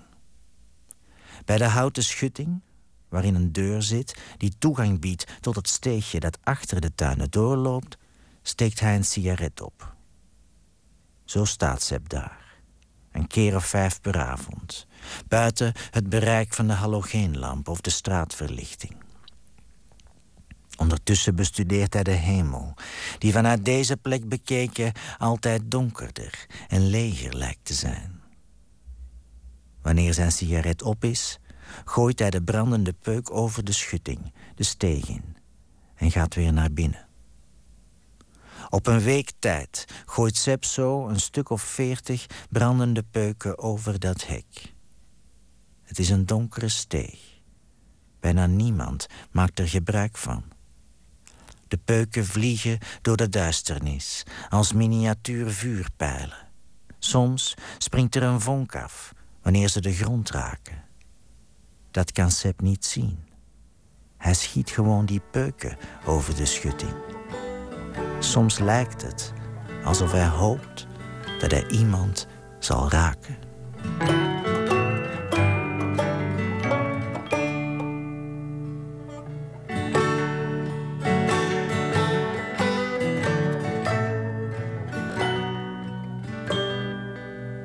Hoe ben ik op het idee gekomen? Ehm, ik ben al enige tijd uh, gefascineerd door de cultuur van uh, de uh, airsoft guns.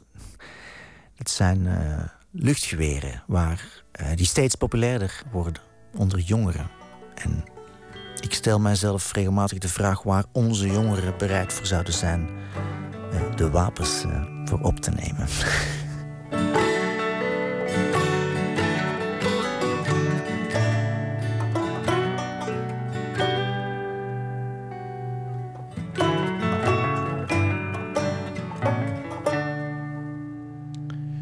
Ivo Victoria met zijn kerstverhaal Sniper. Alle verhalen zijn terug te lezen via de boekensite van de VPRO. vpro.nl schuine boeken.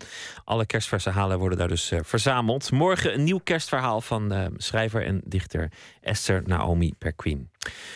We draaien muziek. Um, we hebben gevraagd om lijstjes, het beste van 2014. Daar zijn veel reacties op gekomen. En uh, we gaan proberen onze platen daar ook een beetje op te baseren deze week. We gaan luisteren naar uh, G. Huting. Die heeft, dat, uh, nee, die heeft dat ingestuurd. En uh, die schreef het als volgt op. Morning Face van Beck en Supernova van Ray Montagne... met de klanktapijten van de 60er, 70er jaren. Perfect gelukte muziek. Voor hem Beck met Blue Moon.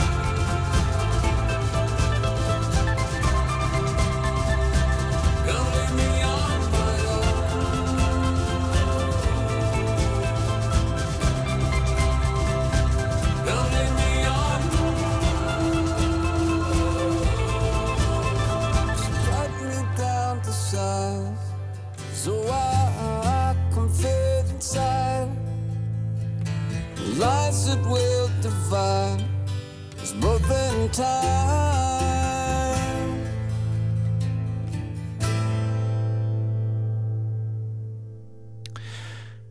Een van de mooiste albums van 2014 van eh Beck. Het nummer heet eh, Blue Moon, ingestudeerd, eh, of ingestuurd door eh, G. Huting. Nooit meer slapen. Vijftien jaar lang was hij Noordzeevisser. Hij was staaldraadsplitser in de haven van Wieringen. Hij is verhalenverteller en hij is acteur. En hij is de schipper van de Jan van Gent. Een baggerschip van Boskalis... waarmee hij met zijn maat Siem de vaargeulen op het Wad op diepte weet te houden. Werk dat nooit klaar zal zijn. Op de laatste tocht van het jaar voer onze verslaggever Matthijs Deen... met Mark Zelstra mee om zich al baggerend verhalen te laten vertellen... over het leven op zee.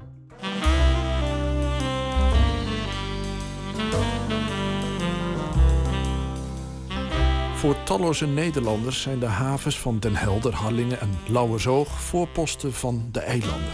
Die andere wereld in het noorden die het bestaan verlicht, omdat je de sleur van alle dag er kan ontvluchten.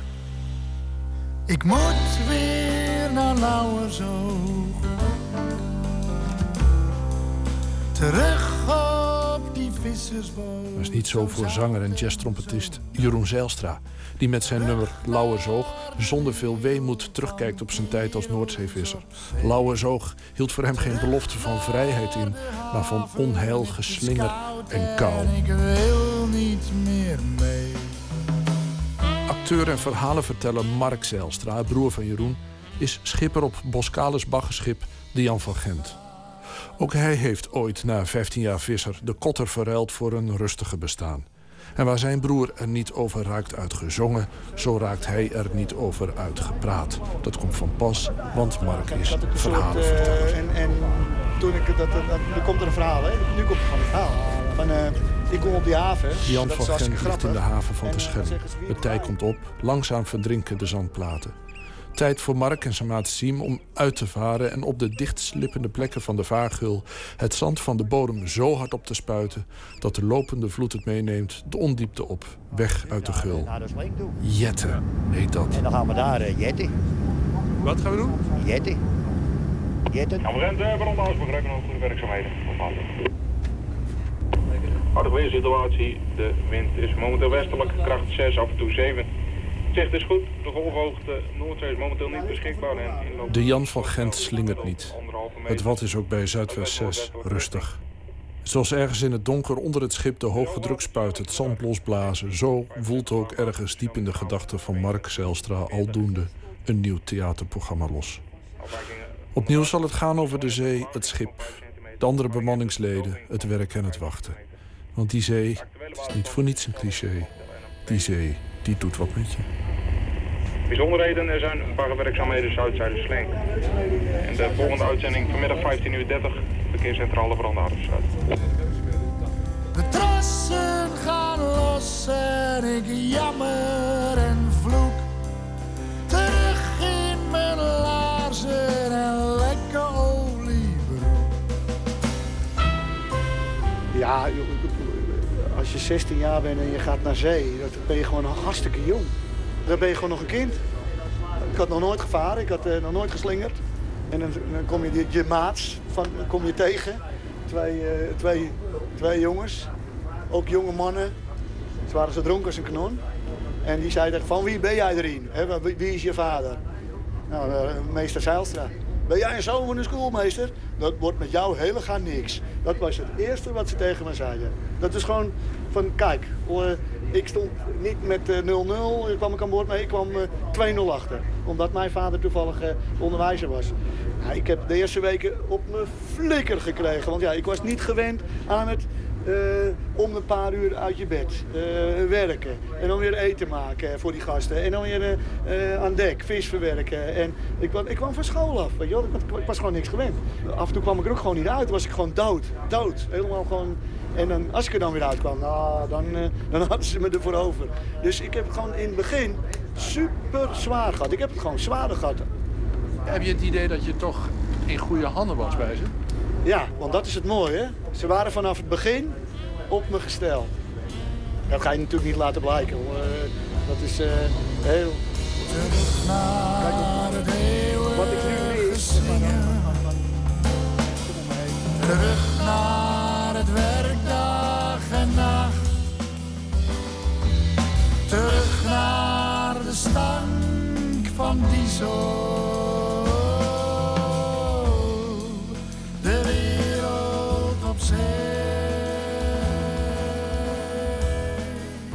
Nou, wat, wat het met mij gedaan heeft, is dat ik eh, niet meer opgeef. Doordat ik die 15 jaar eh, met mijn hartstikke in het uh, buiswater heb gestaan. En doordat ik de eerste drie maanden het hartstikke zwaar heb gehad. Er is een soort onoverwinnelijkheid in me ontstaan. Dat ik denk van, het komt altijd goed. Je moet ook eh, samen op een schip eh, met elkaar zien te redden. Hè? Eh, er zijn ook heel veel eh, gevallen bekend van eh, dat ze elkaar de tent uitrammen. Of, eh, Op het schip ook? Op een schip, ja, ja. Maar dat kan toch ook niet anders? Als je op zo'n kleine ruimte... En wij hebben ook, ik, ik heb ook wel ruzie gehad. Maar goed, dat praat je uit. Want dat, dat hoort zo. Want anders eh, kun je niet verder, hè? Wat, wat heb je dan nodig om het vol te houden op zo'n schip? Dicht bij jezelf blijven. Dat is het allerbelangrijkste. En dat is tevens het allermoeilijkste in het leven. Dat heeft ze misschien de zee wel geleerd? Absoluut. De zee is heel groot en machtig, hè? Ik heb dingen meegemaakt dat je echt denkt van, eh, wow. En, en- Zoals? Het is heel slecht weer. eh allemachtige ruzie aan boord. eh, ongelukken, bijna ongelukken. En, en, en dat, dat maakt je ook gewoon dat je denkt van, eh, oké, zo groot ben je niet. Hou je kak, hou je kak maar in, want eh, het is... eh, Ver weg van de veilige stamkroeg. De klappen, de pils en de lol. De club en de voetbalkantine. We zijn een keer naar, naar, gingen we eh, naar zee in de- 1979. Die hele strenge winter. Bij ons zit je zondagavond in de kroeg en als, het, als je iets heel slecht weer opgeeft en je komt thuis, dan was er vaak wel gebeld van, eh, nou, we- komen vannacht, eh, je komt je niet ophalen, we gaan niet varen, want het is geen weer. En iedereen bleef thuis. Ik hoorde van iedereen, het is slecht weer. Maar ik had nog helemaal niks gehoord. En ik voel bij eh Ja Blokker op de Wieringen 68. Nee, goed, dus ik, ik zat dus s'nachts om 12 uur klaar. Het was echt noordoost eh, eh, 8 en 9 was het al. En we moesten naar Lauwersoog, want daar lag, lag het schip toen.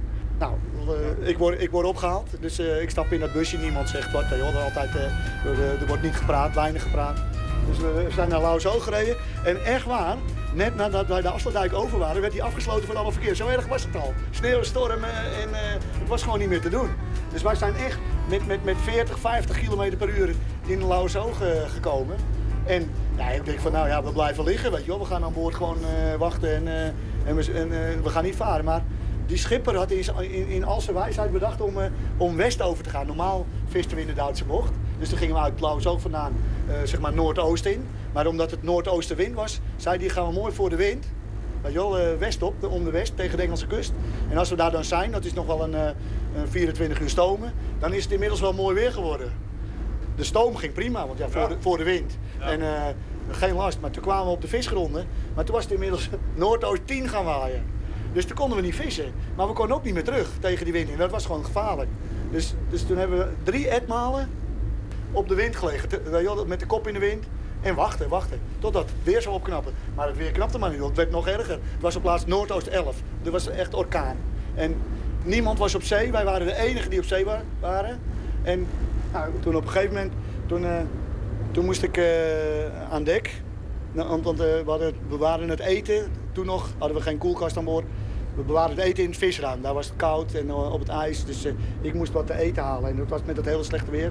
Dus ik met een vriend samen, met een maat, met touw aan elkaar geknoopt, eh, moesten we aan dek. En, eh, en we stonden net bij dat visruim. Toen, toen kwam er zo'n al- hele hoge zee zag ik aankomen. Dus ik zeg van, eh, van, van hou je vast, weet je wel, tegen mijn, maat. Maar die zag het te laat. Dus die zee stapt erin en, en mijn maat die werd gegrepen door, door die zee. En die, die raakte zo de spoelpoort uit. Door de kracht van dat water. Maar hij zat nog aan mij vast. En ik had me inmiddels aan, aan, een, aan een draad vastgepakt. Dus ik riep, hou je vast, hou je vast. En hij riep, hou me vast, hou me vast. En nou, gelukkig kon ik hem weer aan dek krijgen. En toen eh, zijn we weer naar achteren gegaan. En eh, de schipper die, eh, stond dat eens te bekijken, dat het allemaal net goed gegaan was. En die zei alleen maar, nou dan vreten we morgen wel weer. Dat is een fantastische man. En die, Henk heette die. En Henk die was nogal sterk. En was ook heel dik. Hij woog 105 kilo. En, en, wij, ik was 16. Dus wij, ik was ook hartstikke speels. Dus wij waren natuurlijk constant ook, eh, eh, als kinderen aan het, aan het donderjagen. Stoeien met elkaar. Maar ook met de schipper. En dan, als, dan, als, als hij dan zat was, dan pakte hij mij met duim en wijsvinger zo bij mijn pols. En dan zei hij alleen maar duim en wijsvinger. En dan kneep hij een beetje aan. En dan zat ik op knieën voor hem. Auw Henk, auw Henk. Nee, Henk, ik zal het nooit meer doen. Ik zal het nooit meer doen. Auw, auw, auw. Want zo, die man was zo sterk. Maar is er niemand aan boord kwaad dat, gega- dat jullie zijn uitgevaren terwijl iedereen is thuisgebleven? Niemand heeft er iets van gezegd. Want het was een foute beslissing. Nee, nee, het was geen foute beslissing, maar een verkeerde beslissing. Dat, is- is volgens mij, eh, daar, heb, daar, daar heb ik volgens mij alles mee gezegd. En het werd ook geaccepteerd, want, want eh, hij had zichzelf al lang al bewezen. Hij had al heel veel meegemaakt en we verdienden altijd goed, dus het was ook een goede schipper.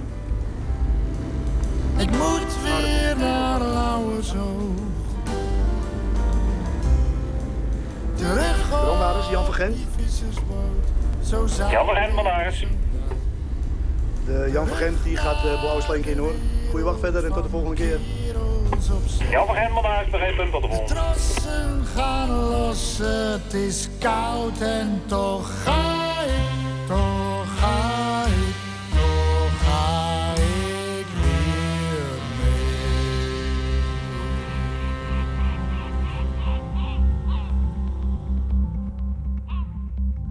Ik word al verkouden als ik er eh, naar luister. Verslaggever Matthijs Deen eh, op zee met Mark Zelstra op een eh, baggerboot. De lijstjes van 2014. Een naam die heel vaak terugkwam was Damien Rice, singer-songwriter uit Ierland. Hij maakte een lang verwacht nieuw album. My Favorite Faded Fantasy was daarvoor de titel. Bram Schultingen uit Groningen die schreef erover: Ik heb er acht jaar op gewacht om Damien Rice eindelijk live te zien en om dat nieuwe album te kunnen kopen. Net als Rice heb ik zelf een muzikale en persoonlijke transformatie doorgemaakt. De weerklank van dit proces hoor ik terug in het album en dat weer klinkt ook bij het afspelen in mijn ziel. Damien Rice, I Don't Wanna Change You.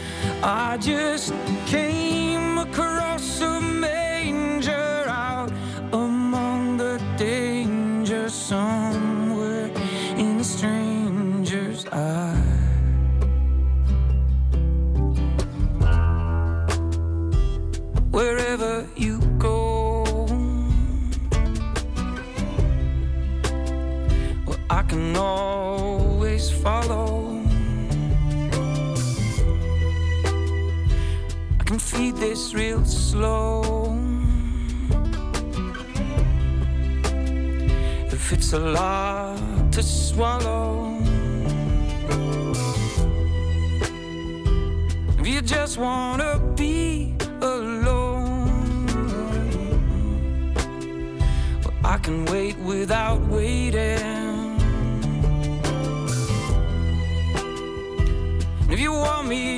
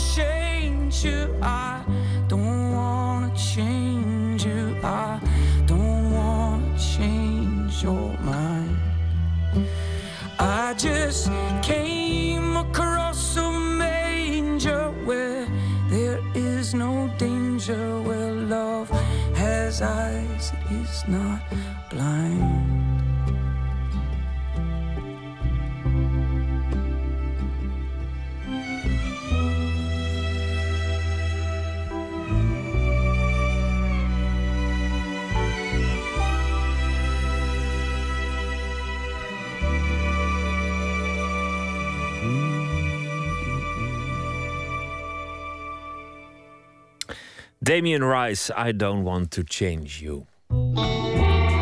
Nooit meer slapen. De tijd van eh, de lijstjes is aangebroken. 2014 was een eh, rijk jaar in, in, op cultureel gebied. We vroegen luisteraars om eh, te mailen wat hen zal bijblijven op het gebied van muziek, film, theater, boeken, noem maar op. We gaan beginnen met de literatuur Maarten Westerveen. Vertel, 2014, wat is de oogst? Nou ja, dat hangt er vanaf. Laten we trouwens eerst even met onze luisteraars beginnen. Want dat is inderdaad, die hebben we gevraagd. Dus, eh, nou, we hebben ook eh, als een soort wortel voorgehouden eh, een aantal boekenbonnen. Daar is ook op gereageerd. Veel mensen hebben, hebben laten weten wat zij hebben gelezen... en wat zij belangrijk vonden. Ik kan in ieder geval cadeaubonnen weggeven aan mevrouw Nicolien Blonk... die... wellicht familie van Jaap. Plonk, ehm, die eh, nomineerde Esther Gerritsen met Roxy. En eh, Adriaan van Dis, Ik Kom Terug, werd genomineerd door Bram Schuttingen. Ook hij krijgt een cadeaubon. En het aardige is, als ik naar deze lijst kijk... van andere mensen die met, eh, met, die met boeken komen... is vooral hoe ongelooflijk... nou, dat onze lezers vrij eh, origineel en oorspronkelijk zijn in wat ze willen. Ik, een aardige vond ik van G. Huting. Die heeft het boek Om de wereld te redden, klik hier... van Evgeny eh, Morozov. Ik weet niet of je dat boek kent. Nee. Dat is een soort, dat is een internetskepticus die niet van internet af te slaan is. Een bijzonder interessante man. Komt uit de Oekraïne, volkomen eigenzinnig, eh, maar heel invloedrijk. Maar dan precies op een soort nou ja, ongeziene wijze. En er zijn bijvoorbeeld ook mensen, Thomas de Jong. die studeert op dit moment journalistiek aan de Christelijke Hogeschool in Ede. Zijn favoriete biografieën, daar heeft hij vooral in gezeten. Dat kan eh, Oscar Pistorius zijn, maar ook John Cleese, maar ook Louis Suarez. Ik ben benieuwd wat die laatste nou eigenlijk te melden heeft als hij, eh, in zijn, eh, zijn biografie. Het is. ehm, een andere bijvoorbeeld, Det Baselmans, wat ik trouwens een prachtige achternaam vind. Die, die houdt vooral van de Russi- Russische literatuur. En die heeft het boeken Coupé nummer 6 genomineerd van Rosa Liksom. Ehm, ik, het is aardig om het te zien en vooral om te zien hoe weinig mensen zich aan lijstjes houden. Want de overzichten die je nu allemaal ziet, daar kan je ook aan zien dat ja, je moet altijd diezelfde namen noemen. En ik moest zelf ook nadenken over een overzicht. En dan kom je natuurlijk altijd bij die namen. En het is eigenlijk heel bemoedigend om te zien dat, dat luisteraars gewoon en lezers daarmee dus een eigen pad trekken.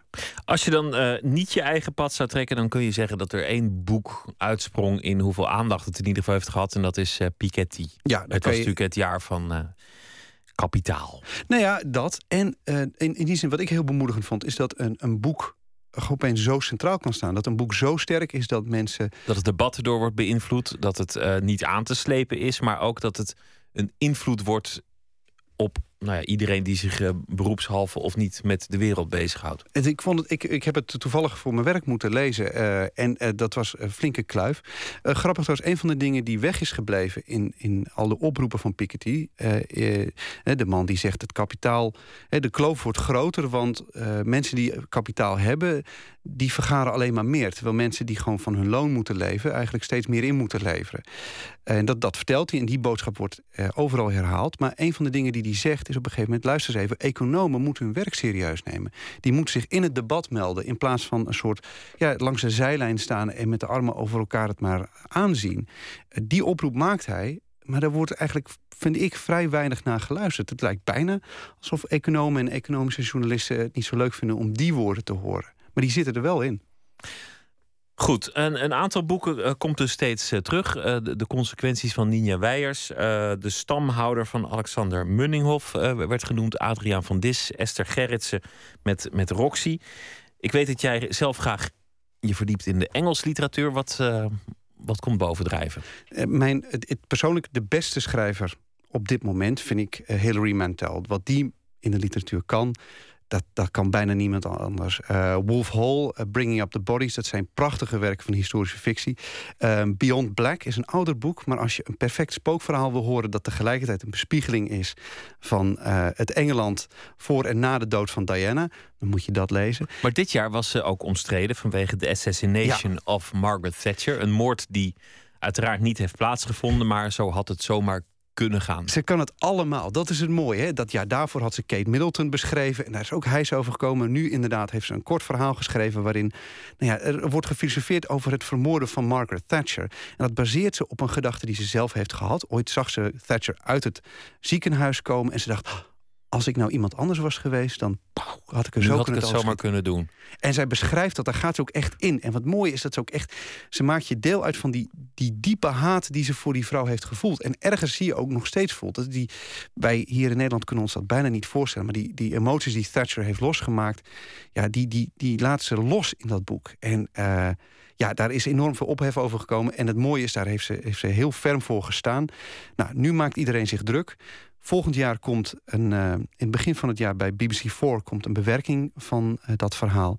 En later komt Wolf Hall in een prachtige BBC-verfilming. En dan is iedereen het weer vergeten. Want dan concentreert iedereen zich weer op gewoon die verhalen en die kracht van haar. Hilary Mantel en wat nog meer? Eh, beste boek vond ik zelf David Mitchell's The Bone Clocks. Dat is een kolossaal werk van ongekende ambitie. Waar, de, het, is het, het is science fiction. Het is, ehm, het, het, het is een, een diepe roman over menselijkheid. Het gaat over goed en kwaad. En dat allemaal met bijzonder veel plezier geschreven. Je wil het echt lezen, want dat vergeet je nog wel eens. Je moet die lijstjes helemaal niet bijhouden. Je moet voor je plezier lezen. Dat is eigenlijk het belangrijkste wat je kan... ook als ik naar die luisteraars eh, kijk... je moet voor je plezier lezen. En dat zouden we in deze lijstjes ook moeten bepleiten. Ja, dat is nou net een van de dingen die ik wat eh, eh, minder heb gedaan afgelopen jaar. Omdat het toch heel vaak ging over interviews. En ja, dan, dan lees je toch, hoewel ik heb geprobeerd dat zoveel mogelijk te vermijden, anders omdat je er nog iets mee moet. Dus je kijkt toch al van, nou, is dit, is dit misschien een leuke invalshoek? Of, of kan ik hier iets mee? Dus professioneel lezen is, uh, ja, dat, dat gaat ten koste van hoe je eigenlijk leest. En, en dat, denk dat je daar bewust van moet zijn. Zeker, ik bedoel, ik recenseer dan nog niet eens, maar ik denk dat recensenten dat ook wel mee zullen maken. Um, ja, ik heb ook een lijstje. Ja, nou, nou, trouwens, ik, uh, we komen straks op dit punt nog eventjes terug, uh, inderdaad. Maar, maar in, in, ik, kijk, nou nee, weet je, laat ik het maar meteen aanpakken. dat heb ik dus ook vaak. Als je een boek moet lezen voor een reportage of een interview, dan ga je toch anders te werk. En soms heb je iemand anders nodig om je om je daaruit te halen. Om te laten zien dat wat je, waar je, wat je mag lezen, waar je mag, mee mag werken, dat dat echt de moeite waard is. En dat had ik bijvoorbeeld met Jan Arends. Daar maakte ik een reportage over. Dat werk werd weer onder de aandacht gebracht. En ja, er wordt heel veel uitgebracht. Dus op een gegeven moment is het moeilijk om daar altijd met dezelfde eh, hartstocht in te duiken uh, die, die je eigenlijk erin wil gooien. Maar ik sprak toen Wim Helsen. En Wim Helsen die heeft dat, het verhaal van Jan Arends perfect verwoord. En ik zal dan een klein stukje tevoorschijn halen. Uh, ik ga iets voorlezen, een gedicht dat begint met... Ik ben 50 jaar, hij is nooit 50 geworden... maar dus het begint al met te liegen hier. Het is heel pijnlijk en tegelijkertijd ook heel grappig, in mijn beleving. Ik ben 50 jaar en geen aardige man. Ik heb geen vrouw, geen nageslacht. En ik heb veel geonaneerd. Zo besmeur ik het brood. Het stinkt van mij. Ik breng waar ik kom ellende. Misschien kom ik morgen bij u met een bijl.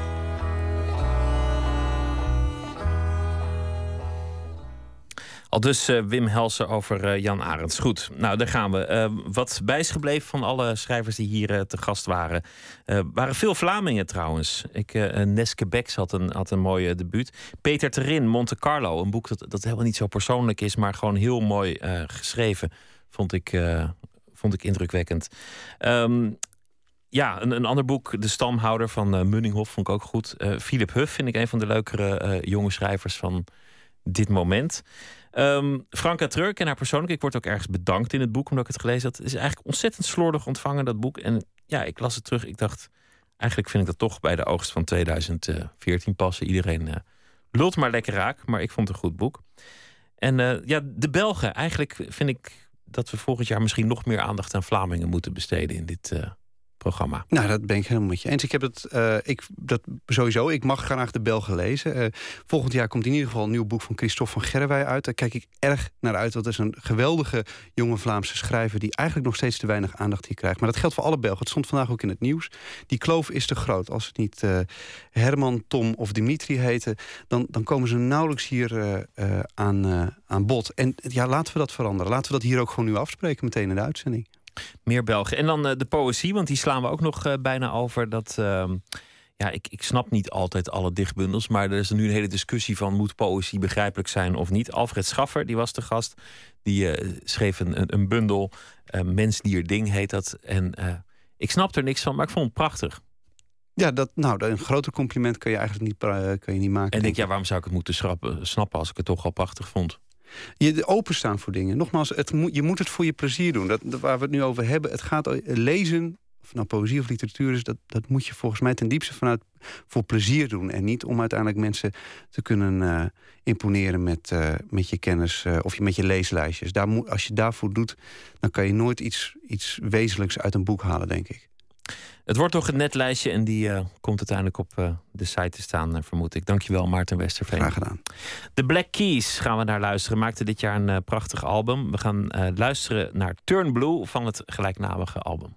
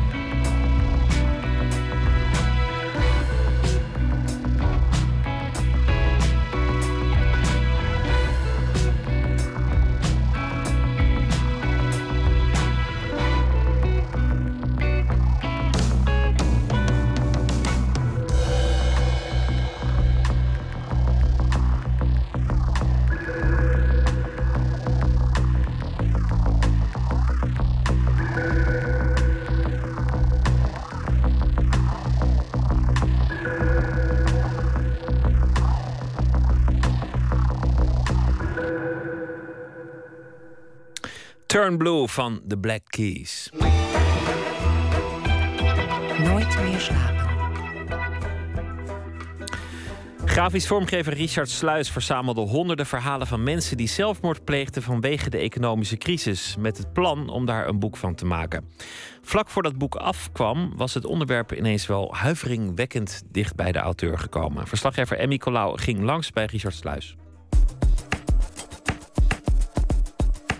Is een rijtje uh, pictogrammen. Uh, die geven aan wat de wijze van uh, de zelfmoordpoging is geweest van de mensen die in het boek staan. Mensen hebben bijvoorbeeld gif ingenomen. Dus daar zie je een, een klein glaasje. Mensen zijn in het water gesprongen of gereden met een auto. Daar zie je dan een paar golflijntjes. mensen hebben zichzelf uit wanhoop in brand gestoken. Dus daar zie je een paar rookpluimpjes. Dit wordt een inktzwart verhaal met een dramatisch einde. Het spijt me, maar leuker kan ik de komende 10 minuten niet maken. 1,000 suicides linked to hard economic times in Britain. The global financial crisis of 2008 caused a rise in suicide rates around the world. Amaya Iganya, aged 53, had been pushed too far. It's the second suicide in Spain in a matter of weeks. 20 bankers in the EU, England, and the U.S. that are very mysteriously falling into the water, being found dead in parking lots, shooting themselves in the heads, jumping off high rises. Richard Sluis is grafisch vormgever. Vijf jaar geleden begon hij de verhalen te verzamelen van slachtoffers van de economische crisis. En dan niet van zomaar slachtoffers, maar van mensen die geen andere uitweg zagen dan het plegen van zelfmoord. Het boek zelf is ontstaan in, in 2008. Het ging toen het jaar al heel slecht in Amerika. Uh, er waren al veel uh, verhalen van mensen die uit huis gezet werden. Hele wijken kwamen leeg te staan. Toen zag ik een paar beelden op televisie voorbij komen van mensen die aan het demonstreren waren. En een van die uh, demonstranten had een groot bord gemaakt. En daar stond op Jump, you fuckers. En daar moest ik natuurlijk wel een beetje om gniffelen. Aan de andere kant had het natuurlijk ook de ernst in zich van de situatie... en verwees het naar 1929, eh, de grote beurscrash in, uh, in de vorige eeuw. Toen werd er bijna, ook door een comedian verteld... nou, je moest echt in de rij staan om daar uit de, uh, de gebouwen te springen. Hè, met al die beursmannen en bankiers. Dus daar sloeg dat bord op. Steeds meer mensen kwamen op straat te staan. En in plaats van echte grote bankiers... kwamen er grote aantallen zelfmoorden voort. of kwamen voor bij mensen die uh, zoals jij en ik uh, gewoon een baan verloren waren. Of uit huis gezet werden. Die crisis die ontvouwde zich. Jij keek dat met verbazing aan, denk ik. Zie ik zo voor me. Wanneer besloot je tot een boek? En niet zomaar een boek, maar een vuistdik, pikzwart boek. Ehm, ik ben niet alleen ontwerper, maar ook illustrator voor, voor tijdschriften. En ehm, Soms dan, is het niet direct een aanleiding als, in de zin van een opdracht... maar maak ik illustratie voor mezelf. Meer een soort reactie op de, de dag van vandaag. Uh, toen heb ik een illustratie gemaakt van uh, een boek wat rijk niet was. Een, boek wat autoriteit uitstraalt. En de titel was The Complete Lexicon of Crisis-Related Suicides. Dat zou de suggestie in zich hebben dat daar alle zelfmoorden in staan. Door het als een echte boek vorm te geven. De illustratie was eigenlijk een soort gefotoshopte illustratie van een dik zwart boek uh, met die titel. Uh, was natuurlijk ook uh, mijn bedoeling dat mensen een beetje zo denken... is dat nou echt of is dat niet echt? Ja, een, een lexicon van alle zelfmoorden... naar aanleiding van de crisis. Ja, en toen dat dus rond ging sturen... toen kreeg ik ook reacties van mensen van... zo, dat is heftig, is dat boek te koop of, of bestaat dat echt? En dat heeft me eigenlijk een beetje op spoor gezet... om het boek ook echt te gaan maken ik wilde het ook een, een specialer boek maken dan zomaar een verhaal. Een opsomming van mensen die zijn overleden. Um, door het ook als uh, bitprintjes vorm te geven. Kan je een voorbeeld geven? Wie is je bijvoorbeeld erg bijgebleven?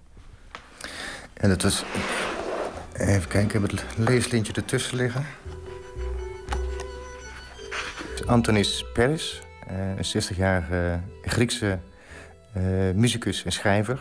Ehm, hij heeft op 24 mei 2012 zelfmoord gepleegd in Athene. En het trieste van het verhaal is dat hij het niet alleen heeft gedaan... maar hij heeft zijn moeder daarbij meegenomen. Zijn moeder van 90 jaar oud. doordat de crisis zo hard toesloeg, uh, is ook het uh, toerisme helemaal ingezakt daar zo. En was er dus eigenlijk geen enkele mogelijkheid meer voor hem om geld te verdienen. Ze leefde dus van het pensioentje van zijn moeder. En uiteindelijk zag hij geen uitweg meer om uh, voor zichzelf en zijn moeder te zorgen. En heeft hij op een avond de gordijnen dichtgedaan van het appartement. Heeft hij de volgende ochtend zijn moeder meegenomen, een stukje gewandeld. Vervolgens zijn ze naar de vijfde verdieping van het appartementencomplex gegaan. Daar zijn ze op het randje gaan staan. En toen heeft hij eerst zijn moeder naar beneden geduwd. En die is dus uh, 15 meter daar beneden op, het, op de stoep neergekomen. Overleden. En na een paar seconden is hij erachteraan gesprongen. 650 pagina's ellende. Luca Stufetti, 40 jaar, voor de trein gesprongen. Patricia Lazzarini, 53, dood door ophanging. Modeontwerper Mihalis Aslanis, 62, overdosis. Architect Riccardo de Lissi, 40, sprong van de vijfde verdieping. Gennaro de Luca, 46, ook gesprongen. Sylvester Slavenburg, 56 uit Nederland. Mevrouw Ampora, 45 uit Madrid. En zo gaat het maar door. Pagina na pagina ellende. Ik heb het eigenlijk als, bijna een soort ANP-nieuwsberichtje uh, opgeschreven. Dus niet te veel emotie erin. Uh, maar puur feitelijk weergegeven wat ik aan feiten heb aangetroffen in de kranten. En, uh, als... en omdat het toch al bekend was, hun namen, voelde je je daar niet uh, vervelend in dat je hun privacy zou schenden of zo? Nee, ik, ik vond het juist triest dat die vele aantallen mensen die overleden waren, dat die maar in een zijkolommetje stonden. En er zijn een aantal verhalen die zijn prominenter in het nieuws geweest. Dan betrof het ook mensen die... Uh, bijvoorbeeld bankiers die al uh, heel veel in het nieuws geweest waren. Uh, maar die, die, juist die kleine verhaaltjes, zoals deze Griekse muzikus en zijn moeder... Ja, ik vond dat ze meer recht verdiend hadden. Richard Sluis boekstaafde hun verhaal met mededogen, maar als een buitenstaander. Tot het lot een bizarre wending nam en zijn eigen familie trof. Eind januari was ik dus uh, zover dat ik uh, het boek bijna gereed had. Uh, teksten geschreven, Engelse vertaling geregeld. En gesprekken met de uitgever om te kijken hoe we dit precies in de markt zouden moeten gaan zetten. En toen kreeg ik ineens een telefoontje van, van mijn eigen broer. En hij had een zelfmoordpoging gedaan. Ik wist dat hij zijn baan uh, raken per 1 april. Hij had het in december te horen gekregen. En ik had toen nog grappenderwijs gezegd van... joh, uh, je zorgt er wel voor dat je niet in het boek terechtkomt, hè? Ja, het was een compleet absurde gewaarwording... dat je zo lang met een project bezig bent en ineens... Uh, denk je de deadline veilig gehaald te hebben... en dan word je alsnog geconfronteerd met een verschrikkelijk verhaal... zoals je dat al veel keren in het boek zelf gelezen hebt. Dus dat heeft me ook versterkt in de overtuiging dat het boek er uiteindelijk sowieso moest gaan komen. En heb ik uh, de opzet enigszins gewijzigd. En heb ik aan het boek een uh, persoonlijk epiloog toegevoegd. Uh, omdat ik ook zag bij mijn eigen familieleden dat ze zoeken, aan het zoeken waren naar van waarom is dit gebeurd. En dat ze maar niet begrepen hoe zo'n normale man kon ontsporen. En daarom heb ik omdat ik natuurlijk ook persoonlijke uh, details van andere mensen heb gebruikt in mijn boek... Uh, voelde ik de noodzaak om ook zelf details te vertellen.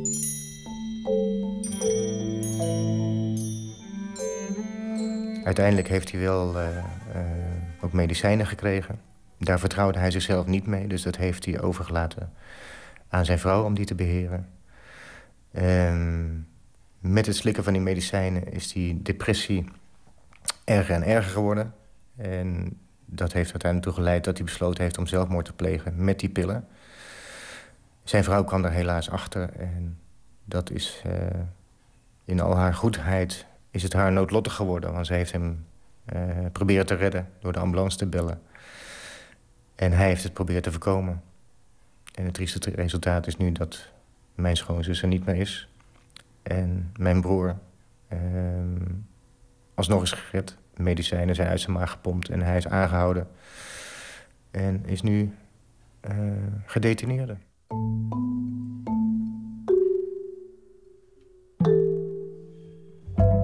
Die mensen aan de knoppen, de bankiers, de verzekeraars... Uh, er wordt nu geschermd met uh, allerlei ingrepen. er is nu zelfs sprake van een bankierseed. Nou, het zou toch mooi zijn als de eed afgelegd wordt... met de ene hand op het hart en de andere hand op dit boek. Dat de schil van al die mensen die overleden zijn... in stilte toch nog een uh, functie hebben op het eind.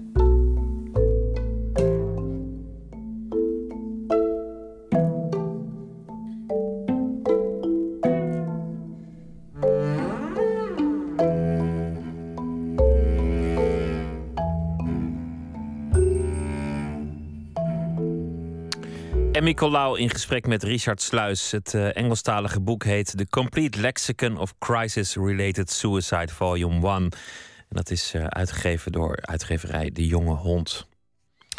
Dit uh, was bijna het einde van Nooit meer slapen. Morgen zijn we er weer na middernacht. Dan komt Jan Mulder langs. ooit was hij voetballer, lang voordat hij journalistiek fenomeen werd... bij Ajax en Anderlecht. Hij heeft een boek gemaakt tot U spreekt Jan Mulder. En daarin kijkt de spits terug op, het, op zijn voetbaljaren. Dat doet hij openhartig, genadeloos en met humor, zoals we van hem gewend zijn. Morgen dus een gesprek over het werk en leven van Jan Mulder. Hoe die van het voetbalveld, de literatuur en eh, de journalistiek in rolde. We besteden ook aandacht aan eh, de voorstelling Stand Up, Lie Down. Vijf homo's denken dat ze grappig moeten zijn. En zo beschrijven de makers dan zelf hun eh, productie. Ze treden op als stand-up comedians, maar ze zijn nogal ambivalent in dat verhaal. Niet in de laatste plaats door de toch wat benauwende kijk van de rest van de samenleving op die geaardheid. Een gesprek met de makers en de beste dingen van 2014. Morgen doen we de film. Floortje Smit die komt langs. En die vertelt over uh, wat volgens haar en wat volgens u de beste films waren van het uh, jaar 2014. Twitter, het VPRO NMS of via de mail nooitmeerslapen.vpro.nl. Ik wens u een uh, goede nacht. Morgen een leuke dag. Straks op deze zender de EO met Dit is de Nacht. En graag weer tot morgen.